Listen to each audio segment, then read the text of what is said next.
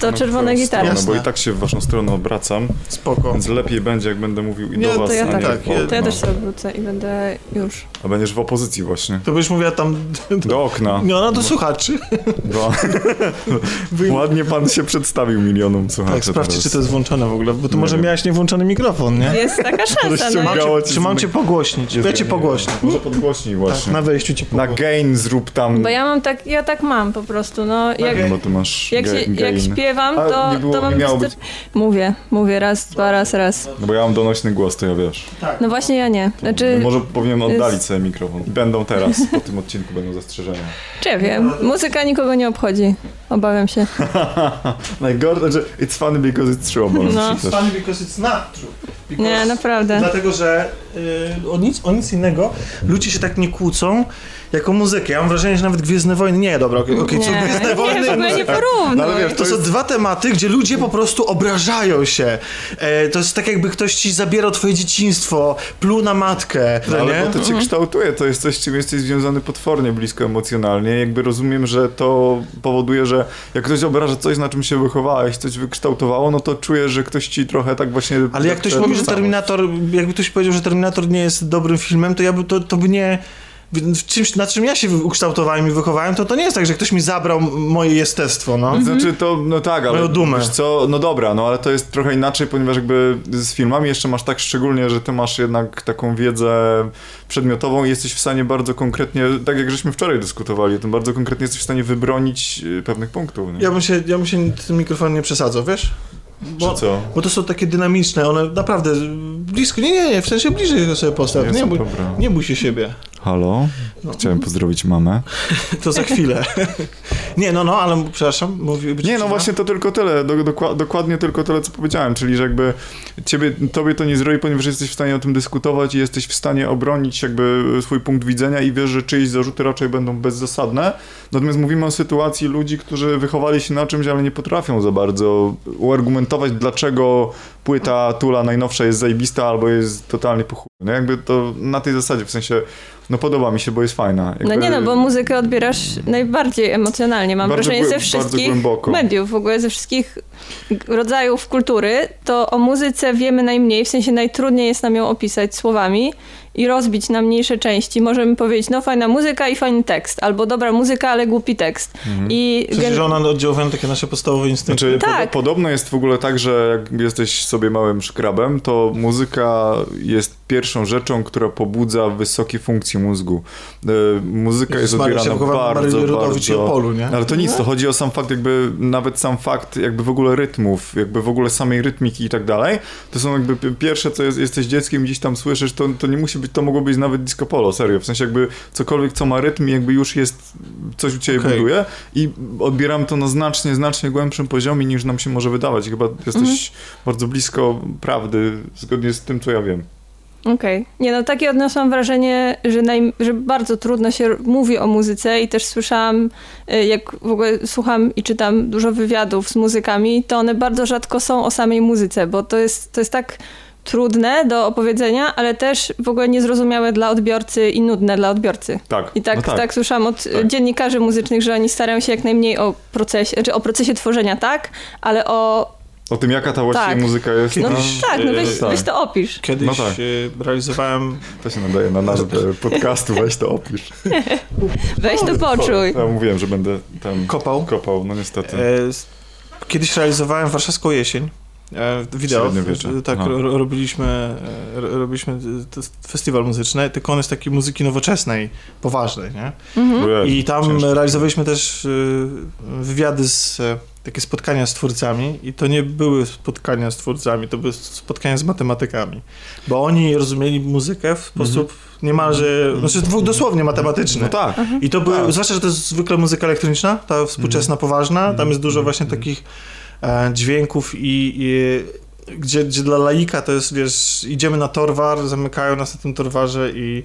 E, pierdolą nas dźwięk. Nie, ja właśnie robię coś takiego, pluk, plum, plum, po czym e, rozbrzmiewają brawa, e, kompozytor dostaje nagrodę, w sensie e, kwiaty, podziękowanie, wszyscy są szczęśliwi, a dla mnie człowieka, który jednak jest wychowany, tak jak już mówiłem, na Maryli Rodowicz i Opolu jest, w sensie to, to ja oczywiście nie odmawiam temu bycia sztuką, bo słuchając zwłaszcza tych wywiadów, rozumiem o co w tym chodzi, że to jest tak naprawdę jakieś wyzwanie. Czy to ono jest matematyczne, czy związane z jakimś instynktem, to, to już jest inna sprawa.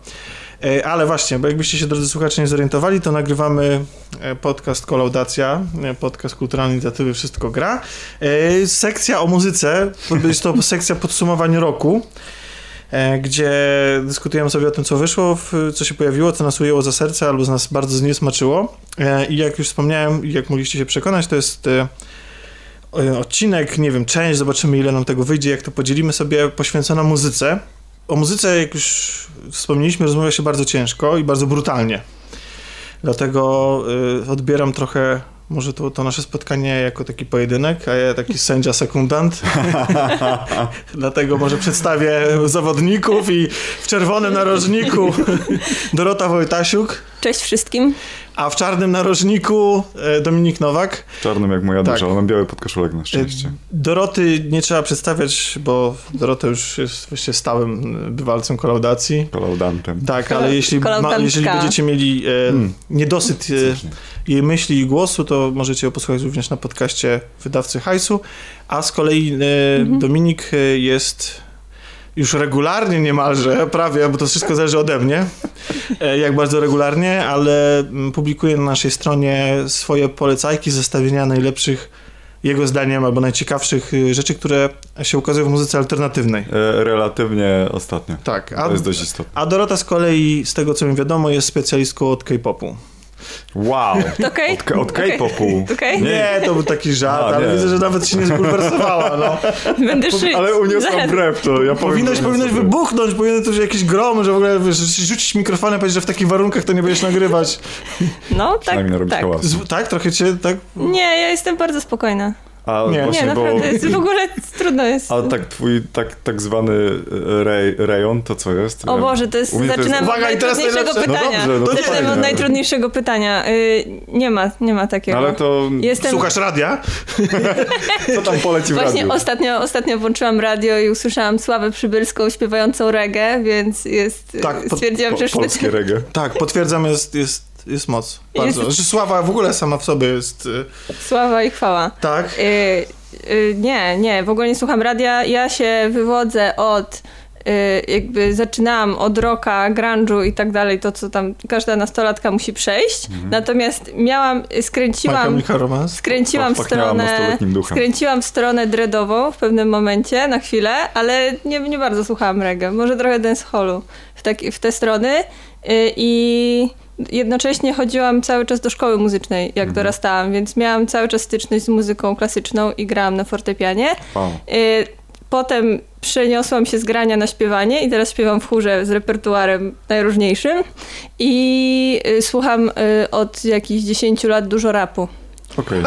Ale takiego czarnego, klasycznego rapu? Dużo słucham polskiego, bo jest łatwiejszy w odbiorze i analizie, natomiast zdarza mi się, y, ale jestem bardzo, bardzo wybiórcza i wymagająca, jeśli chodzi o rap, więc mam bardzo duża część twórców w ogóle mi nie podchodzi, także nie jestem w stanie tego słuchać, ale jak sobie wybiorę swoją niszę, e, takiego bardziej w Polsce inteligenckiego hip-hopu i częściowo Który- gangsta rapu, to w ogóle od drugiej strony, e, to, to tak.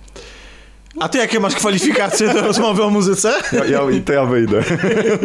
nie, nie, no ja, to ja powiem swoją ścieżkę. Ja niestety nie mam żadnej, żadnych kwalifikacji. Próbowałem kiedyś się dostać do szkoły, szkoły muzycznej, ale poszedłem taki obszarpany tam do, do Akademii Muzycznej w Gdańsku. E, I pan na mnie popatrzył i powiedziałem, że no, że w sumie to na wokalistykę być może mógłbym próbować i tyle, dając mi do zrozumienia, że nie pokazał się gościu. Jak zobaczyłem, że potrzebna jest szkoła drugiego stopnia do tego, żeby tam iść, to stwierdziłem, że, że nie rozumiałem, co w ogóle próbowałem zrobić i rozumiem ich też. Natomiast ja tak, tak naprawdę to zacząłem, wyszedłem też od takiego jakiegoś rocka. Na początku to w ogóle był jakiś taki pop polski, powiedzmy, później to poszło przez rocka. E, chwilowo zacząłem słuchać metalu, ale nie na tyle, żebym był w stanie coś o nim sensownego opowiedzieć. Jakby później z tego metalu zacząłem, zacząłem szukać dalej. Poszedłem w rock progresywny i przerabiałem King Crimson bardzo mocno. E, później jak już myślałem, że nie, nie da się nic z tego innego zrobić i czułem takie totalnie zmęczenie tym progresywnym rokiem, które zasypuje cię ścianą dźwięków i różnych brzmień, to to poszedłem, jakby zacząłem szukać alternatywy od tego i nagle się okazało, że tak zwana alternatywa właśnie jest y, tym, czego szukam. Natomiast tutaj tylko dodam taką rzecz, że ja mam własną definicję alternatywy. która jest Alternatywną. tak, alternatywną wizję alternatywy, ponieważ dla mnie alternatywa to jest wszystko to, co się kwalifikuje do tego, żeby grać w radiu, ale z jakiś trochę, ale ma duszę, która nie zawsze pasuje do komercyjnego radia. Ale jak, ja lubię rzeczy, które są przystępne e, w odbiorze, są w miarę lekkie, a z drugiej strony nie obrażają mnie jako słuchacza. A ty, Tomek? Ja jestem słynnym na całopolskie ignorantem muzycznym, który na szczęście otacza się ludźmi, którzy znają się w tym temacie dużo lepiej. Dzięki temu czasami mogę przeszpanować znajomością e, na przykład takiego utworu reggae w wykonaniu Sławy. Ale widziałam twoją playlistę na Spotify i jest całkiem spoko. No bo Taka ja... radiowa, mainstreamowa, ale tam są prawie same dobre numery. No wiem, bo ja nie mówię, że ja nie mam gustu. Park. Ja mówię tylko, że jestem ignorantem. To znaczy większość ludzi y, podobno zatrzymuje się jeśli chodzi o poznawanie nowej muzyki w wieku 26 lat. Ja się zatrzymałem w wieku 6. nie, no w wieku, nie wiem, 16. To znaczy bardzo rzadko szukam czegoś nowego, ale dzięki temu właśnie, że spotykam na swojej drodze takich ludzi jak wy, to wpada w moje ręce co jakiś czas coś naprawdę ciekawego, co mnie ujmuje i miałem okresy w swoim życiu, kiedy się interesowałem nawet hipsteriadą, taką, taką w stylu XX, czy Monster The XX, of, no. Mon, of Men, tak? No to poszedłeś w alternatywę, to wchodzisz na moje poletko. Tak, no właśnie mówię właśnie, że to było dla, dla mnie to była taka hipsteriada, bo to się łączyło z jakimś tam pewnym wejściem w jakieś tam środowisko, ale właśnie tak i do tej pory zresztą, te, bo muzyka mi się kojarzy bardzo mocno, jak to nie, nie jestem w tym jedyny, ja sobie zdaję sprawę, z określonymi sytuacjami i określonymi e, momentami w życiu. Ale też nie tylko to, jakie emocje przywodzi, bo ja na przykład jak słyszę muzykę, to jak rozmawialiśmy dzisiaj, to ja na przykład nie słyszę muzyki, ja widzę obraz do niej. -hmm. Za każdym razem, -hmm. kiedy ja sobie coś słyszę, ja, ja słyszę, jak, widzę, wyobrażam sobie jakieś emocje. To nie musi być żaden teledysk, ani nic takiego, to jest taka wi moja wizualizacja. Bardzo często ma to związek z jakimś lotem, nie wiem, po prostu. No tak się czuję. -hmm. Plus lubię bardzo, to też słuchacze wiedzą, chodzić na imprezy i tańczyć. No, to już jest... Ja się dowiedziałem kiedyś, że jestem hipsterem zupełnie przypadkiem, ponieważ y, widziałem kiedyś zestawienie z 8 lat temu zestawienie naj, 20 najbardziej hipsterskich zespołów, 10 było moich ulubionych. Sobie myślę, Boże. No tak jak jestem alternatywką, bo Billie Eilish mi się spodobała w tym roku. Ale no. y, do czego zmierzam? Chodzi o to, że każda, żeby jakby już przejść do dyskusji i trochę ją usystematyzować, y, każda jakby smakowanie muzyki jest w różnej formie. I ona się kojarzy i to z, nie wiem, z pierwszymi kasetami kupowanymi gdzieś na targu, nielegalnymi, jakimiś przegrywanymi, i z przegrywaniem z, o, u znajomych gdzieś na takich jamnikach y, z kasety na kasetę. I z pierwszych mp3 ściąganych z sieci gdzieś tam. E, więc ta muzyka i z Winampem, więc jakby sama konsumpcja muzyki z festiwalami jest w jakiś sposób też elementem tej kultury. I mhm. jest ważna. I jednym z takich dla mnie, ponieważ przeprowadziłem się do Warszawy i to było dla mnie duże wydarzenie, w sensie zawsze, ja się dobrze czuję w, w, jakby w dużym mieście, nie? E, bardzo dobrze mi tutaj. To jest takim jedną z, jedną z tych rzeczy, które wyobrażałem sobie, że to będzie takie naj, najcudowniejsza rzecz na świecie, że będę chodził sobie codziennie do Empiku i słuchał e, tych płyt, bo tak strasznie mi się to, jak przyjechałem kiedyś i zobaczyłem, że to jest taka forma poznawania tych płyt i że jest w tym jakaś taka... Jednym z moich ukochanych filmów jest film, który się nazywa Empire Records. To jest film o sklepie muzycznym, taki z połowy lat 90. tam e, Liz, e, Taylor e, grała między innymi. Mhm. Liv To jednak jest. Li, tak. tak. Ale między innymi ta Bridget Jones, kto grał Bridget Jones? René Witherspoon. E, Zellweger. No, prawie. To dobrze. René Witherspoon. A w ogóle to się znam na filmach. no. No więc no więc ten film nakreślił taką wizję romantyczną fanów muzyki, którzy prowadzą sklep i opierają się komercjalizacji. Śmiało, Dorota, jedz sobie ciasteczko. Ja tak tobie podsuwam. Nie, nie, żebyś nie się zamknął już, tak? Że dawał mówić. Dobrze, więc w skrócie. Generalnie ten Empik mnie natchnął. Trochę być może to jest standardowe, to, to, forma, jaką przybierzemy, ale uznałem, że najlepiej będzie, jeśli pogadamy sobie, tak jak w Empiku jest podział na muzykę zagraniczną i polską. Tak jak na mojej kartce z notatkami. Jezu, widzisz, great minds think tak. alike, nie? No. Więc nie wiem, czy Dominik jest przygotowany. Dlatego ja nie mam. nie no, na moim zestawieniu płyt jest tylko jedna polska płyta, przykro mi. Okej, to będzie ciekawe. To w takim razie, jeśli, to nie wiem, zaczynamy może od zagranicznych czy od polskich? Tak, Zacznijmy od, od, od, od ogółu do szczegółu. Czyli od zagranicznych. tak. Dobra. No więc nie wiem, nie mam pojęcia, co się wydarzyło w tym roku, jeśli chodzi o zagraniczną muzykę. Wiem, że ukazała się płyta Taylor Swift, ale o tym będzie opowiadała Magda, która no niestety akurat na to nagranie nie, nie dotarła, ale będzie w ogóle. I, i co? I- nie I co no. się wydarzyło? Moim zdaniem najważniejsze wydarzenie tego roku Co to, słychać? jest, to jest płyta Billie Eilish. To jest, to jest jakby pojawienie się na świecie, już było wcześniej i wyjście na, e, na, na, na wielki świat, ale ten rok moim zdaniem, w, zwłaszcza w mainstreamie, chociaż ona jest na maksa alternatywna, ale to jest już ta muzyka alternatywna, która trafiła do Ona grała mainstreamu, nie? wszędzie. Ta piosenka Tak. Bad Guy leciała absolutnie wszędzie. To był hit tego lata. Tak, no ja tak wczoraj jej z 10 razy słuchałam. Jest po prostu niesamowita. E, I płyta nosi tytuł When We All Fall Asleep, Where Do We Go? Billie Eilish w grudniu teraz skończyła 18 lat, To jest szok, nie? ale tak, już zaczęłam muzykę robić właściwie tam od 11 roku życia, z tego co pamiętam. I w ogóle y, super anegdotkę opowiedziała ostatnio w, chyba w Carpool Karaoke, że miała w domu taką zasadę, y, że kiedy była dzieckiem i y, kiedy robiła muzykę, czyli tam sobie coś tworzyła, to nie mogli jej zmusić do spania, do pójścia do łóżka. Więc dopóki coś tam tworzyła, tylko nie mogła udawać, to musiało być legitne. Y, I no i dzięki temu narodził się ten talent. Oczywiście ona jest bardzo A wspierana to nie przez jest tak brata. właśnie, bo to, to jest chyba jakaś taka zdolna rodzina, nie? Cała producencka, tak? Tak, to jest taka artystyczna rodzina, bo tam y, tata jest chyba aktorem Aha. i oni w ogóle w LA mieszkają, mama jest producentką i też aktorką, wszyscy muzykują i brat jest, ja bym o nim wspomniała koniecznie, e, Phineas O'Connell. Bo on tworzy On tworzy y, muzykę w ogóle bardzo często, oni tworzą razem i są takim przykładem świetnie zgranej rodziny, Y, więc y, totalnie nie powiedziałam, Five. nie powiedziałam nic o muzyce, opowiedziałam historię rodziny, E, no ale to właśnie tak się rozmawia o muzyce. Nie no, ale wiesz, no jakby no rodzina to też podejrzewam jest dosyć mocne źródło inspiracji do tego, żeby, ale nie wiem czy pozytywnej, bo Billy jest raczej taka depresyjno-samobójcza, nie? Właściwie cała ta jej płyta to jest y, taki zapis po prostu cięcia się żyletkami. Czyli jak ja czasem Tak. rozmawiam z tak zwanym młodym pokoleniem, to mam wrażenie, że to jest taki ogólny wydźwięk tego pokolenia i że ono po prostu mówi głosem, śpiewa to, Poważnie? tak, ale to, to, to, takie to, ona, się, ona się nie spóźniła trochę na imo? Bo to chyba... Nie, ja bym powiedział, że to Ona jest... jest post, post imo. Ka każde, każde pokolenie ma swoje... Czas, im- swój własny i- czas. A nasze Tak. nie. E, każde pokolenie ma swoją, e, swój moment w wersji takich właśnie, takich imo, bo wcześniej byli, e, właśnie wcześniej było imo, teraz mamy tam alternative, a jeszcze wcześniej byli na przykład goci, No nie? tak. Jakby e, masz, te, to jest taki powrót falowy, raz na jakiś czas masz takie właśnie pokolenie st- straconych, nie? To przecież masz nawet od, tak, ale od wiesz... to, to nawet nie jest... To, po raz pierwszy można powiedzieć o pokoleniu, skoro to jest tak popularne, nie?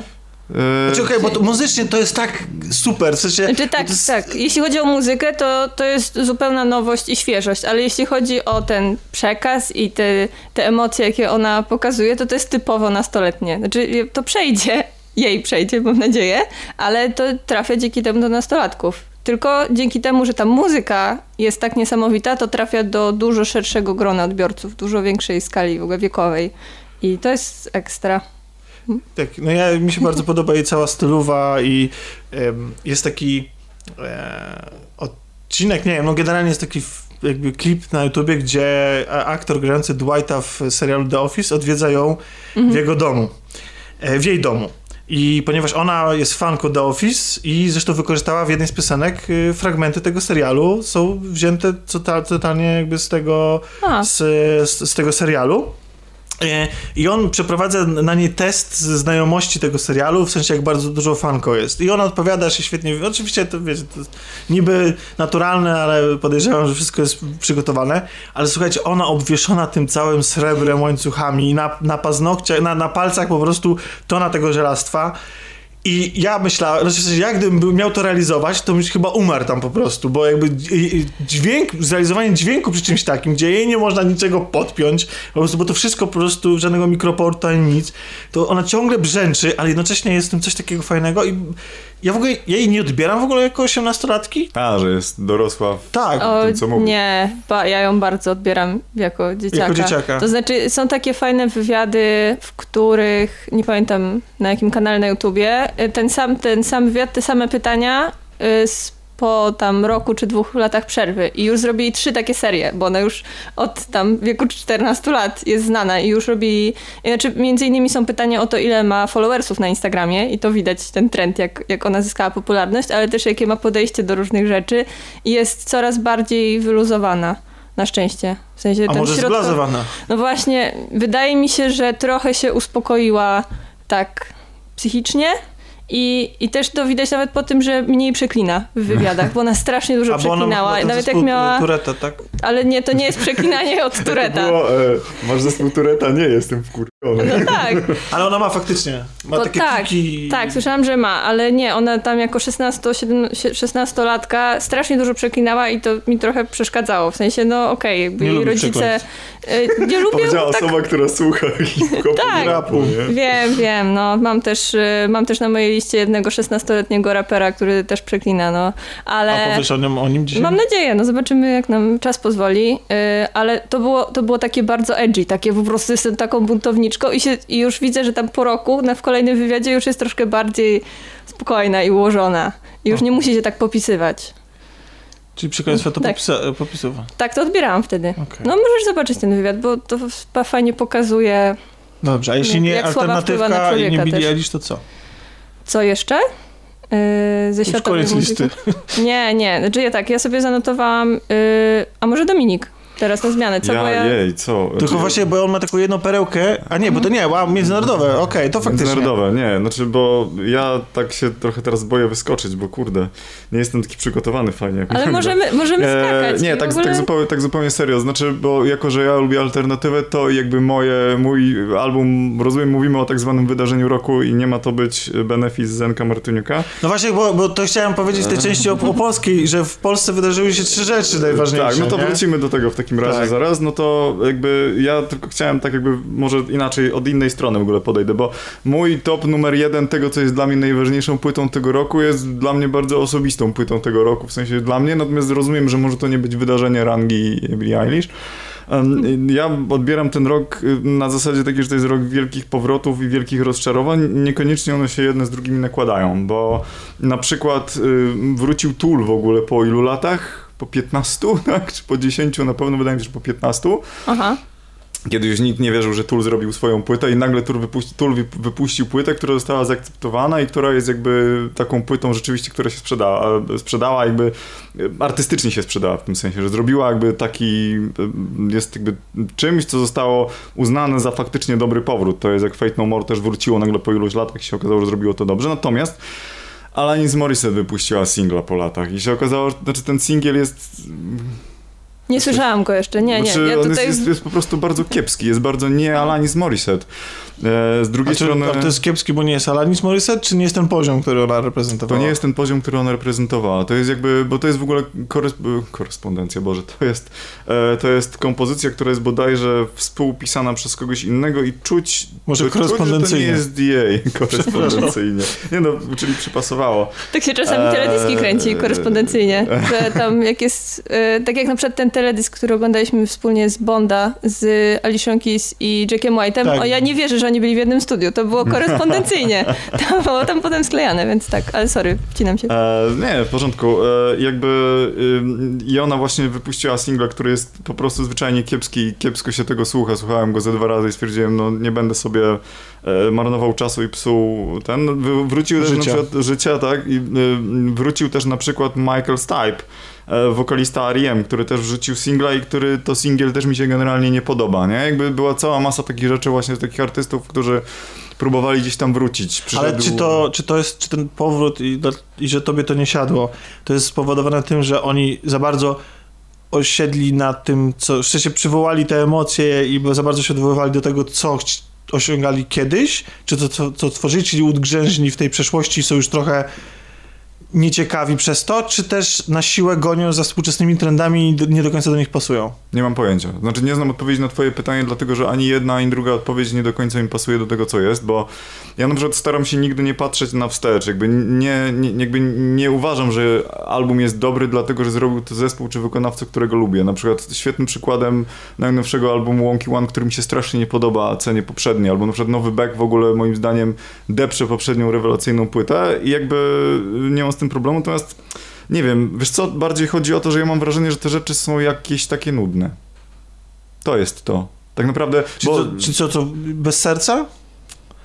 W sensie zrobione po to, żeby bo e, się okazało, że już się hajs nie wiem, czy, skończył? no, dlatego mówię, że jakby nie wiem, nie? No ale to jest Możemy- częsta przypadłość y, no, wielkich muzyków, wielkich zespołów, które, no nie wiem, T-Love też się zrobiło nudne i nijakie po jakimś czasie. Nie, Znaczy, no wiadomo, jest- bo, bo już tak. mieli to samo w kółko, nie? Tak, ale też już y, tracisz ten młodzieńczy bunt, zwłaszcza jeśli masz zespoły, które y, się nakręcają tym, tą młodością i jakimiś... y, No, T-Love jest świetnym tak, przykładem nie? Świetne buntu. teksty, Tak, w ogóle tak, tak. takie rewolu- znaczy rewolucyjne, takie E, kont Znaczy nie no, re- kontra w ogóle system, nie? kontrkulturowe, Ojej. no to teraz nie ma, nie ma się czemu sprzeciwiać teraz, jest Ale- to dobrze. Znaczy, ostatnio mieliśmy rozmowę, że bo na The Video Game Awards, czy tam jak to się tam teraz nazywa, The Game Awards. The Game Awards, e, był występ zespołu Green Day, który też jest dla mnie takim reliktem już przeszłości. Mimo tego, że ja sam bardzo lubiłem w ogóle amerykański e, punk rock, kalifornijski i tak dalej.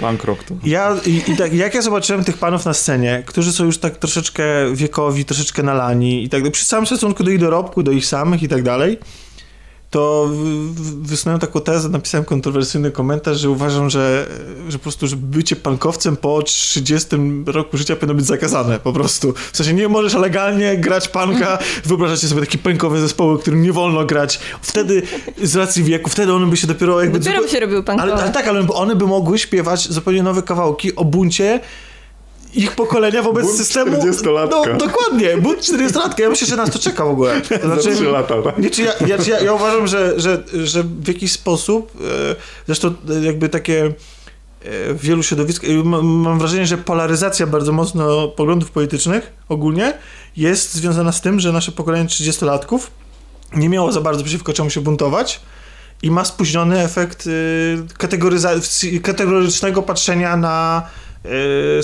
rzeczywistość i takiego dzielenia się coraz bardziej. Tak, tak mi się wydaje. No ale to Czyli jest... o- okres dojrzewania przeniósł się nam na late, late Tak, bo mieliśmy za 30s. dobrze. Bo, bo, przecież, bo wiesz, bo w latach 90. mogłeś wszystko, nikt ci niczego nie, za, nie bronił, wiesz, jakby mogłeś być punkiem, ale co to tak naprawdę oznaczało? Mogłeś być metalem, ale co to tak naprawdę oznaczało? Mogłeś być, nie wiem, no... No tak, no bo jako że, jako, że komunizm wszystkiego zabraniał, no to teraz bali się zabraniać czegokolwiek, żeby nie wyszli na, na komunistów. No, może No jest więc, więc tak A teraz znowu zaczęli zabraniać, więc może rzeczywiście teraz jest...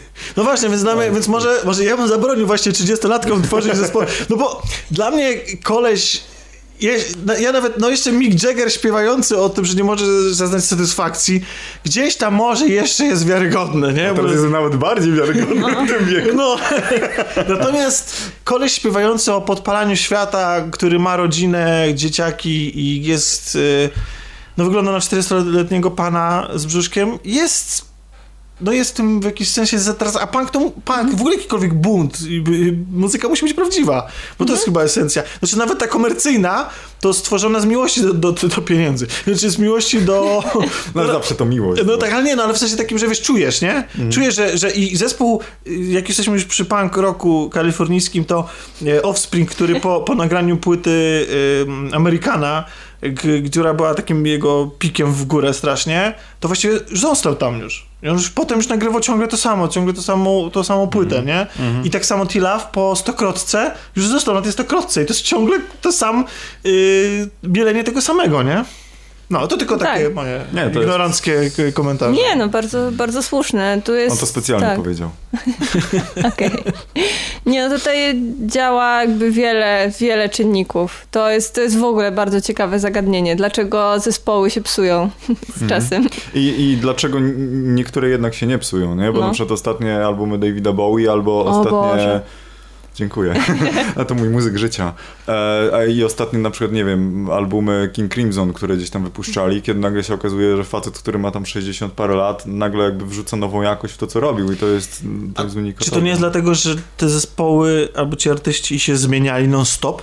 Hmm. Bo David Bowie mi się kojarzy z tym, Davida że... Bowie to była zmiana tak. i znaczy on w ogóle miałam takie, takie odnosiłam wrażenie, że nie jest bardzo na bieżąco ze wszystkim. W sensie tak. on się interesował znaczy, technologiami i w ogóle... On nie był na bieżąco, on wyprzedzał, wiesz? Tak, to, to jest pra... niesamowite, bo... Taki zagraniczny Niemen. Eee...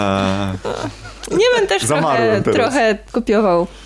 Znaczy nie, no bo jakby David, Ale... David Bowie generalnie przez jakby swoją karierę ogólnie chwalił się tym, że wykorzystuje popkulturę. Jak mamy taki utwór Starman, to on jakby się, to jest Starman i to jest dokładnie zrzęcie tych samych tam dwóch dźwięków z Somewhere Over the Rainbow, tak? I on jakby no. mówił wprost o tym, że jakby, czy, czy to może nie wprost mówił, ale jakby było wiadome, że on zaczerpnął te, to przejście między tymi dwoma dźwiękami właśnie z tego innego utworu. Jakby e, David Bowie generalnie jakby inteligentnie zżynał na lewo i prawo, ale robił to zawsze na swój sposób i to było fajne.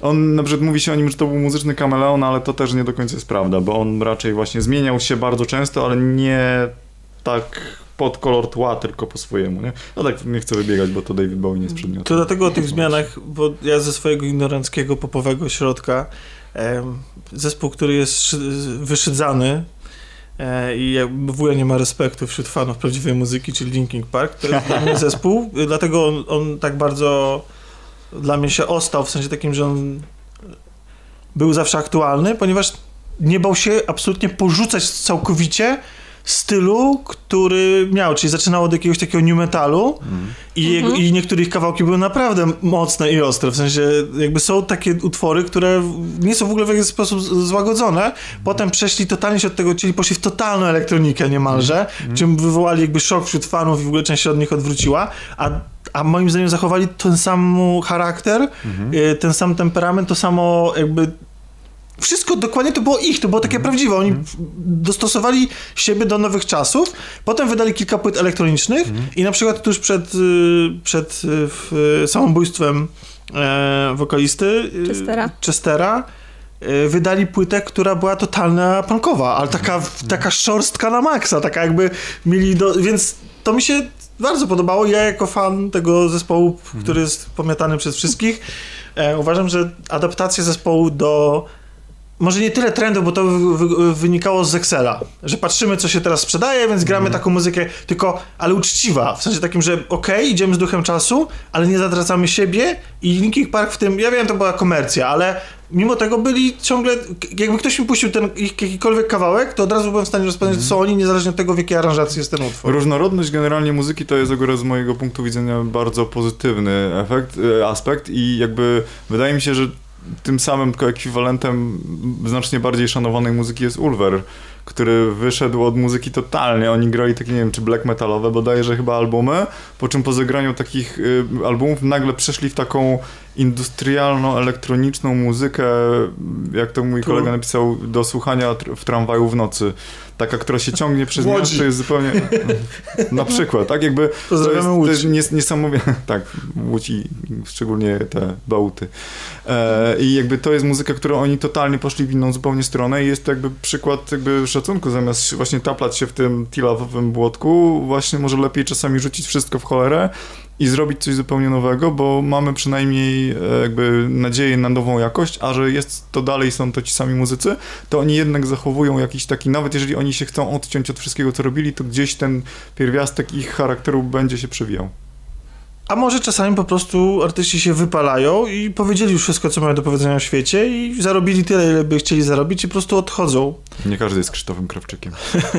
no, o to był wielki powrót. Przecież ten powrót właśnie, gdzie mu nie Staszczyk mu pisał teksty do, do, tej, do tej płyty, um, bo jesteś ty tam, czy czy chciałem być do, ty, do tych kawałków, to przecież to są bardzo dobre utwory, moim zdaniem. Chciałem być jest w ogóle świetnym utworem, zwłaszcza jak się go przerobi na trapowo. Aha, Tam myślałem, że chciałem być świetnie. No tatuażem. dobrze, ale ja, chcia, ale ja chciałem Tak. zrobić takie przejście, że niektórzy się wypalają, ale na szczęście na ich miejsce, miejsce, na ich miejsce wchodzą nowe zespoły pełne energii, które mówią nam coś ważnego o świecie i co nam ważnego o świecie powiedziały jeszcze i jakie zespoły. Ja jeszcze, y, faj, bardzo fajne przejście wymyśliłeś, ale ja, Dziękuję. chciałam, Tak, ja też też jestem pod wrażeniem. ale ja chciałam jeszcze wrócić do powrotów, y, bo O, w tym roku, żarcik. tak, w tym roku zaliczyliśmy jeszcze powrót rakontersów. Y, Racja. Właśnie. Słusznie. A to jest ciekawe, bo to jest płyta z mojego e, rejonu. Wchodzi pani do mojego ogródka. Nie, ja się bardzo, ale ja się No. bardzo cieszę. To I, ładnie. tak, tak, jeśli masz coś tam o nich, to możesz opowiedzieć, bo ja y, przysłuchałam tej nowej płyty, Help Us Stranger. y, I w ogóle nie zapamiętałam żadnego utworu. Świetnie chodzi. się tego słucha, ale w ogóle nie wiem. Dlatego- Muzyka do windy. Ale to jest, to jest dokładnie, jest dobra. to jest dokładnie pasuje, znaczy No. to, to jest, świetnie to ujęłaś, że ona jest dobra, ale właściwie to, znaczy, jeżeli Miała być krew, tego, a wy się, tu jakieś Nie, miłość no, ja- widzę, no. Wszyscy sobie słodzą, no. Nie no, jeżeli, jeżeli jakby jest taka sytuacja, że właśnie e, masz płytę, która wchodzi jednym uchem, a wylatuje drugim, to mimo wszystko to bardzo źle świadczy o takiej muzyce.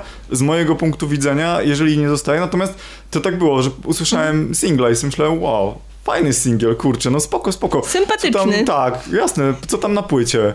Hmm, przesłuchałem, więc myślę, no właśnie, co, co tam na płycie? Nie, nie, nie ma nic tam. Tak, tak jak... Dlatego go y, też nie ma w moim zestawieniu, właśnie okej. dlatego. Nie, ja to sobie za, zanotowałam, bo bardzo mi się podobał koncert. I to ja w ogóle byłam na Orange'u na koncercie Racontersów, bo też y, y, moja przyjaciółka jest fanką y, Jacka White'a i chodzimy na wszystkie koncerty i w ogóle nie, nie było innej opcji. I to był koncert, na którym się najlepiej bawiłam na całym Orange'u. Mimo, że właśnie nie zapamiętałam utworu, utworów nowych, ze starych to tam znałam piąte przez dziesiąte, coś tam. koncertowy ekwiwalent The Antwoord. A, a na, na koncercie The Antwoord też byłam, ale musiałam odejść do tyłu, bo byłam za blisko sceny i myślałam, że bębenki kre, Krew i wywali. plwociny nie dawały ci patrzeć na scenę goły tyłek Jolandii. Było ciężko, po prostu musiałam, musiałam się odsunąć, ale y, tak i świetnie się bawiłam na tym koncercie i tam w ogóle też... Y, Okej, tam liderem tego zespołu jest jakiś inny typ, nie, nie Jack White, ale wszyscy patrzą na Jacka White'a. W sensie, to w ogóle no, nie on oszukujmy jest się. gwiazdą, no co tu dużo mówić. Tak, no. i ja się Jack White cieszyłam, że on y, trochę nabrał z powrotem energii, bo widziałam go już y, parę razy na koncertach i z tego repertuaru solowego. Rozwody. No też, ale już się zrobił, już się zrobił taki sztuczny. Już w ogóle tak y, jego muzyka, ta solowa, ja ją bardzo lubię i one są bardzo charakterystyczne, te utwory. I w ogóle takie takie dopracowane, ale to aż po prostu już się zaczęło robić takie powleczone plastikiem. Już tam nie widziałam człowieka w tym, Mhm. tylko już, e, już za dużo dokładał kolejnych tych No, Ra- rzeczy. Rackanters znalazło się, ten singiel znalazł No. się na moim zestawieniu cotygodniowych singli gdzieś i napisałem, że to jest ojciec, że nie, że to jest, że on ma ty, tyleż zespołów, y, ile małżeństw. Jakoś tak, że właśnie on tak wiele miał zespołów i wiele miał żon. Nie no, bez przesady. Nie, no, oczywiście jest to przesada. Zenek no. Martyniuk czerpa inspirację z miłości. To, Zenek do matki i żony. tak. No. No to to. A poprzednia płyta, poprzednia płyta Racontersów była w 2008. Oni co prawda coś tam wy, No wy, wyrzucali w międzyczasie, ale to jest y, dosyć istotny powrót. Okej. No tak, no, No. ale, ale Jack White jednak mimo wszystko a to wypuścił jakąś solową płytę w międzyczasie, a to Tak, jeszcze miał ten, jak się nazywał ten projekt jego z Alison Mosshart? E, de, nie. Wiesz o czym mówię, Tak, nie? wiem, Właśnie to wiem. coś, jak sobie może wygoogluję zaraz. Tam... Przepraszam słuchaczy za tą niekompetencję. No bo przyszło mi tego do głowy. On był spoko. Mhm. Bo ona jest The Kills. Ona jest The Dead Kills, tak. coś tam. The Dead Weather, No. tak, dokładnie. Znaczy nie sprawdziłem tego, miałem googlować, ale już pobudziłaś moją Widzisz. pamięć jednak. E, Okej, więc czy ktoś, czy ktoś jeszcze powrócił? Bo wrócisz, tu powróciła Maryla Rodowicz na e, Właśnie nie powróciła. Sylwestra, będzie na Sylwestrze. Będzie na Sylwe- No oczywiście, no znowu ją odmrożą Specjalnie na Sylwestra. z kapsuły. Dobra, do, do światowej, do światowej yy, nie mam powrotów więcej, ale zanotowałam sobie coś takiego, że jest takie odejście, przeciwieństwo do powrotu. Yy, coraz mniej słyszeliśmy w tym roku o wielkich gwiazdach, które przez kilka poprzednich lat się utrzymywały tak w ogóle na piedestale, typu Beyoncé, Ed Sheeran, yy, tam nie wiem, Nicki Minaj, Rihanna. Oni trochę chyba się uspokoiło w tym roku, bo oni przez No, poprzednie Tyler? przynajmniej 5 lat daj Taylor- mi skończyć. Przez no. przynajmniej jakby 5 lat w ogóle królowali. Już wydawało się, że są nie do strącenia i już chyba trochę się to wy, ten, wyciszyło. Więc bardzo dobrze, bo ja już byłam zmęczona. Na przykład Edem Sheeranem, który miał sporo Ja dobrych kawałków, ale... Nie, on, nie, on na- naprawdę miał dobre kawałki. A jeśli chodzi o Taylor Swift, to e, ja nie jestem wielką fanką jej muzyki, ale muszę jej przyznać, że singiel, który wypuściła w tym roku, You Need to Calm Down, to był świetny pomysł i jakby szczytna inicjatywa i w ogóle jakby świetnie zrealizowany i cała akcja, która towarzyszyła temu teledyskowi, nie wiem czy wy go znacie, Ja nie, ten to nie z... Ty będziesz jutro? Nie wiem, Bądź. zobaczę. To bądź jutro, to pogadasz sobie o tym z Magdą. No, dobra? tak, to No, jakby, to, to, tak, tutaj chodzi o ten teledysk, w którym bardzo dużo różnorodnych osób wystąpiło i on też się wiązał z akcją taką równościową i o przeciwko hejtowi, y, który trafia w osoby LGBT i tak dalej, więc to jest w ogóle świetna akcja. O, wiem. I, znaczy, tak, to już wiem o jaki teledysk No. chodzi. I ten teledysk był chyba krytykowany, że on jest w ogóle jakiś taki ym, niepoprawny, tak swoją drogą. Ale że ut, utrwala stereotypy, bo on Tak, taki tak, kolorowy. tak. Ja Że- wiem, ale właśnie chodzi o to, że calm down, jakby każdy może być jaki chce i dlatego Okej. tam on był taki przesadzony. to jeśli- no, rozumiem. Ja to cmknąłem, nie, bo chciałem powiedzieć, że jeżeli chodzi o Taylor Swift, to mnie się ona kojarzy z tym, że ona tam jakąś straszną prawniczą teraz gehennę chyba przechodzi ze względu na odebranie jej praw do, do jej własnych nagrań. Ja kojarzę jakąś taką Ale to jest, to jest, ja już to mówiłem na kolaudacji, że to jest dla mnie taka gwiazda takiego tradycyjnego formatu. Jakbym, że życie prywatne jest burzliwe, że, że właściwie, że, że ona sama jest wydarzeniem. Ona ma nawet aparycję takiej gwiazdy, że, że gdzieś w tym wszystkim jest jakiś taki posmak świata, Ryty Górniak. no, to jest ta, który mnie tęsknię, do, dosłownie, do lat 90., gdzie mieliśmy Michaela Jacksona, y, gdzie mieliśmy Whitney Houston, gdzie mieliśmy takich, gdzie mieliśmy Madonnę, gdzie mieliśmy tuzy, które absolutnie zgarniały wszystko. Dzisiaj ta muzyka się rozmieliła dzięki serwisom streamingowym i temu, że każdy może być gwiazdą we własnej bańce i to wystarczy. E, I mamy właśnie dzięki temu już nikt nie słucha radia, tylko wszyscy słuchają jakichś alternatywek.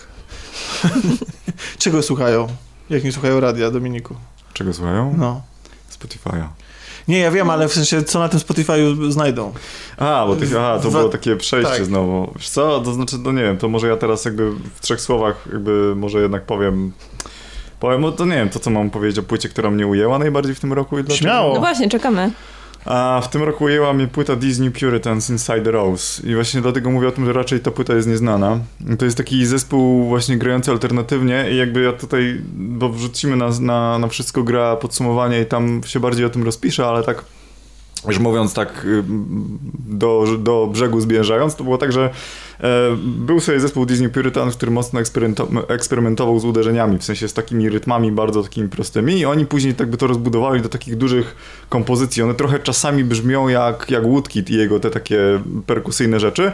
To oni jakby, Woodkid był fajny w trzech kawałkach, ale płyta jest nudna, bo jest w gruncie rzeczy monotonna. To oni jakby poszli i zrobili taką płytę, która się nazywa e, Hidden i na tej płycie Hidden e, wszystkie te brzmienia, one się rozrastały w takie po prostu wielkie, monumentalne dzieła, nie będąc przy tym takimi e, kiczowatymi, że tak powiem, nie były rozbuchane jak Wagner, że tak powiem, tylko były takie właśnie zrobione naprawdę z fajnym, e, przepraszam za wyrażenie, pierdolnięciem. No więc jakby usłyszałem tą płytę byłem w niej strasznie zakochany. To był 2009 rok.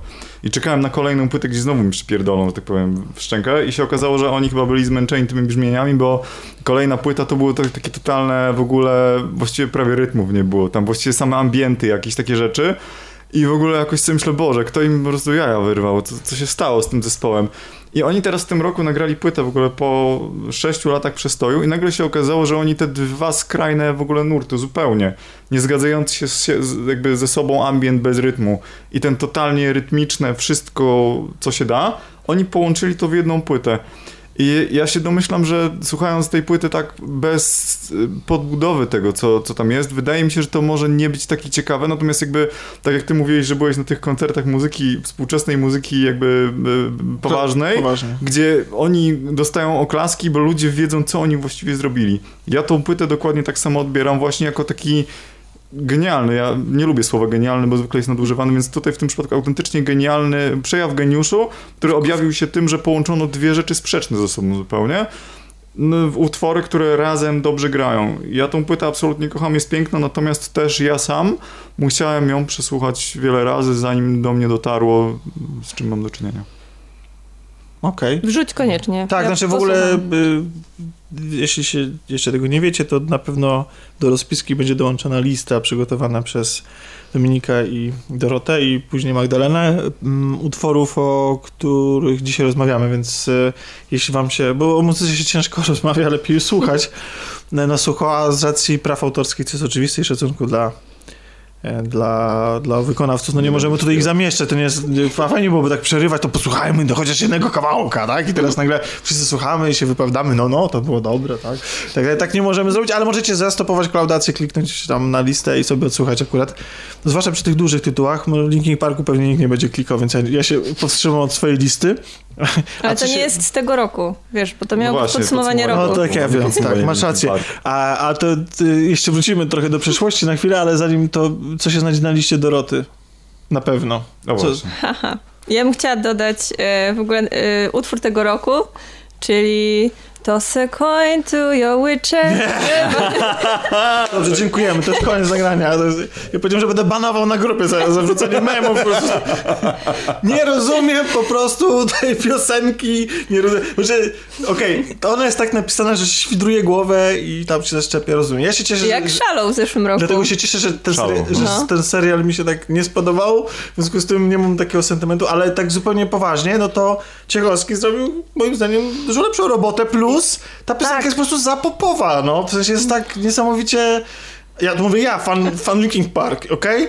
Że, że ta piosenka totalnie jest w taki sposób popowa, że mi nie pasuje. To jest przekaz podprogowy, rzuć Netflixowi y, coin.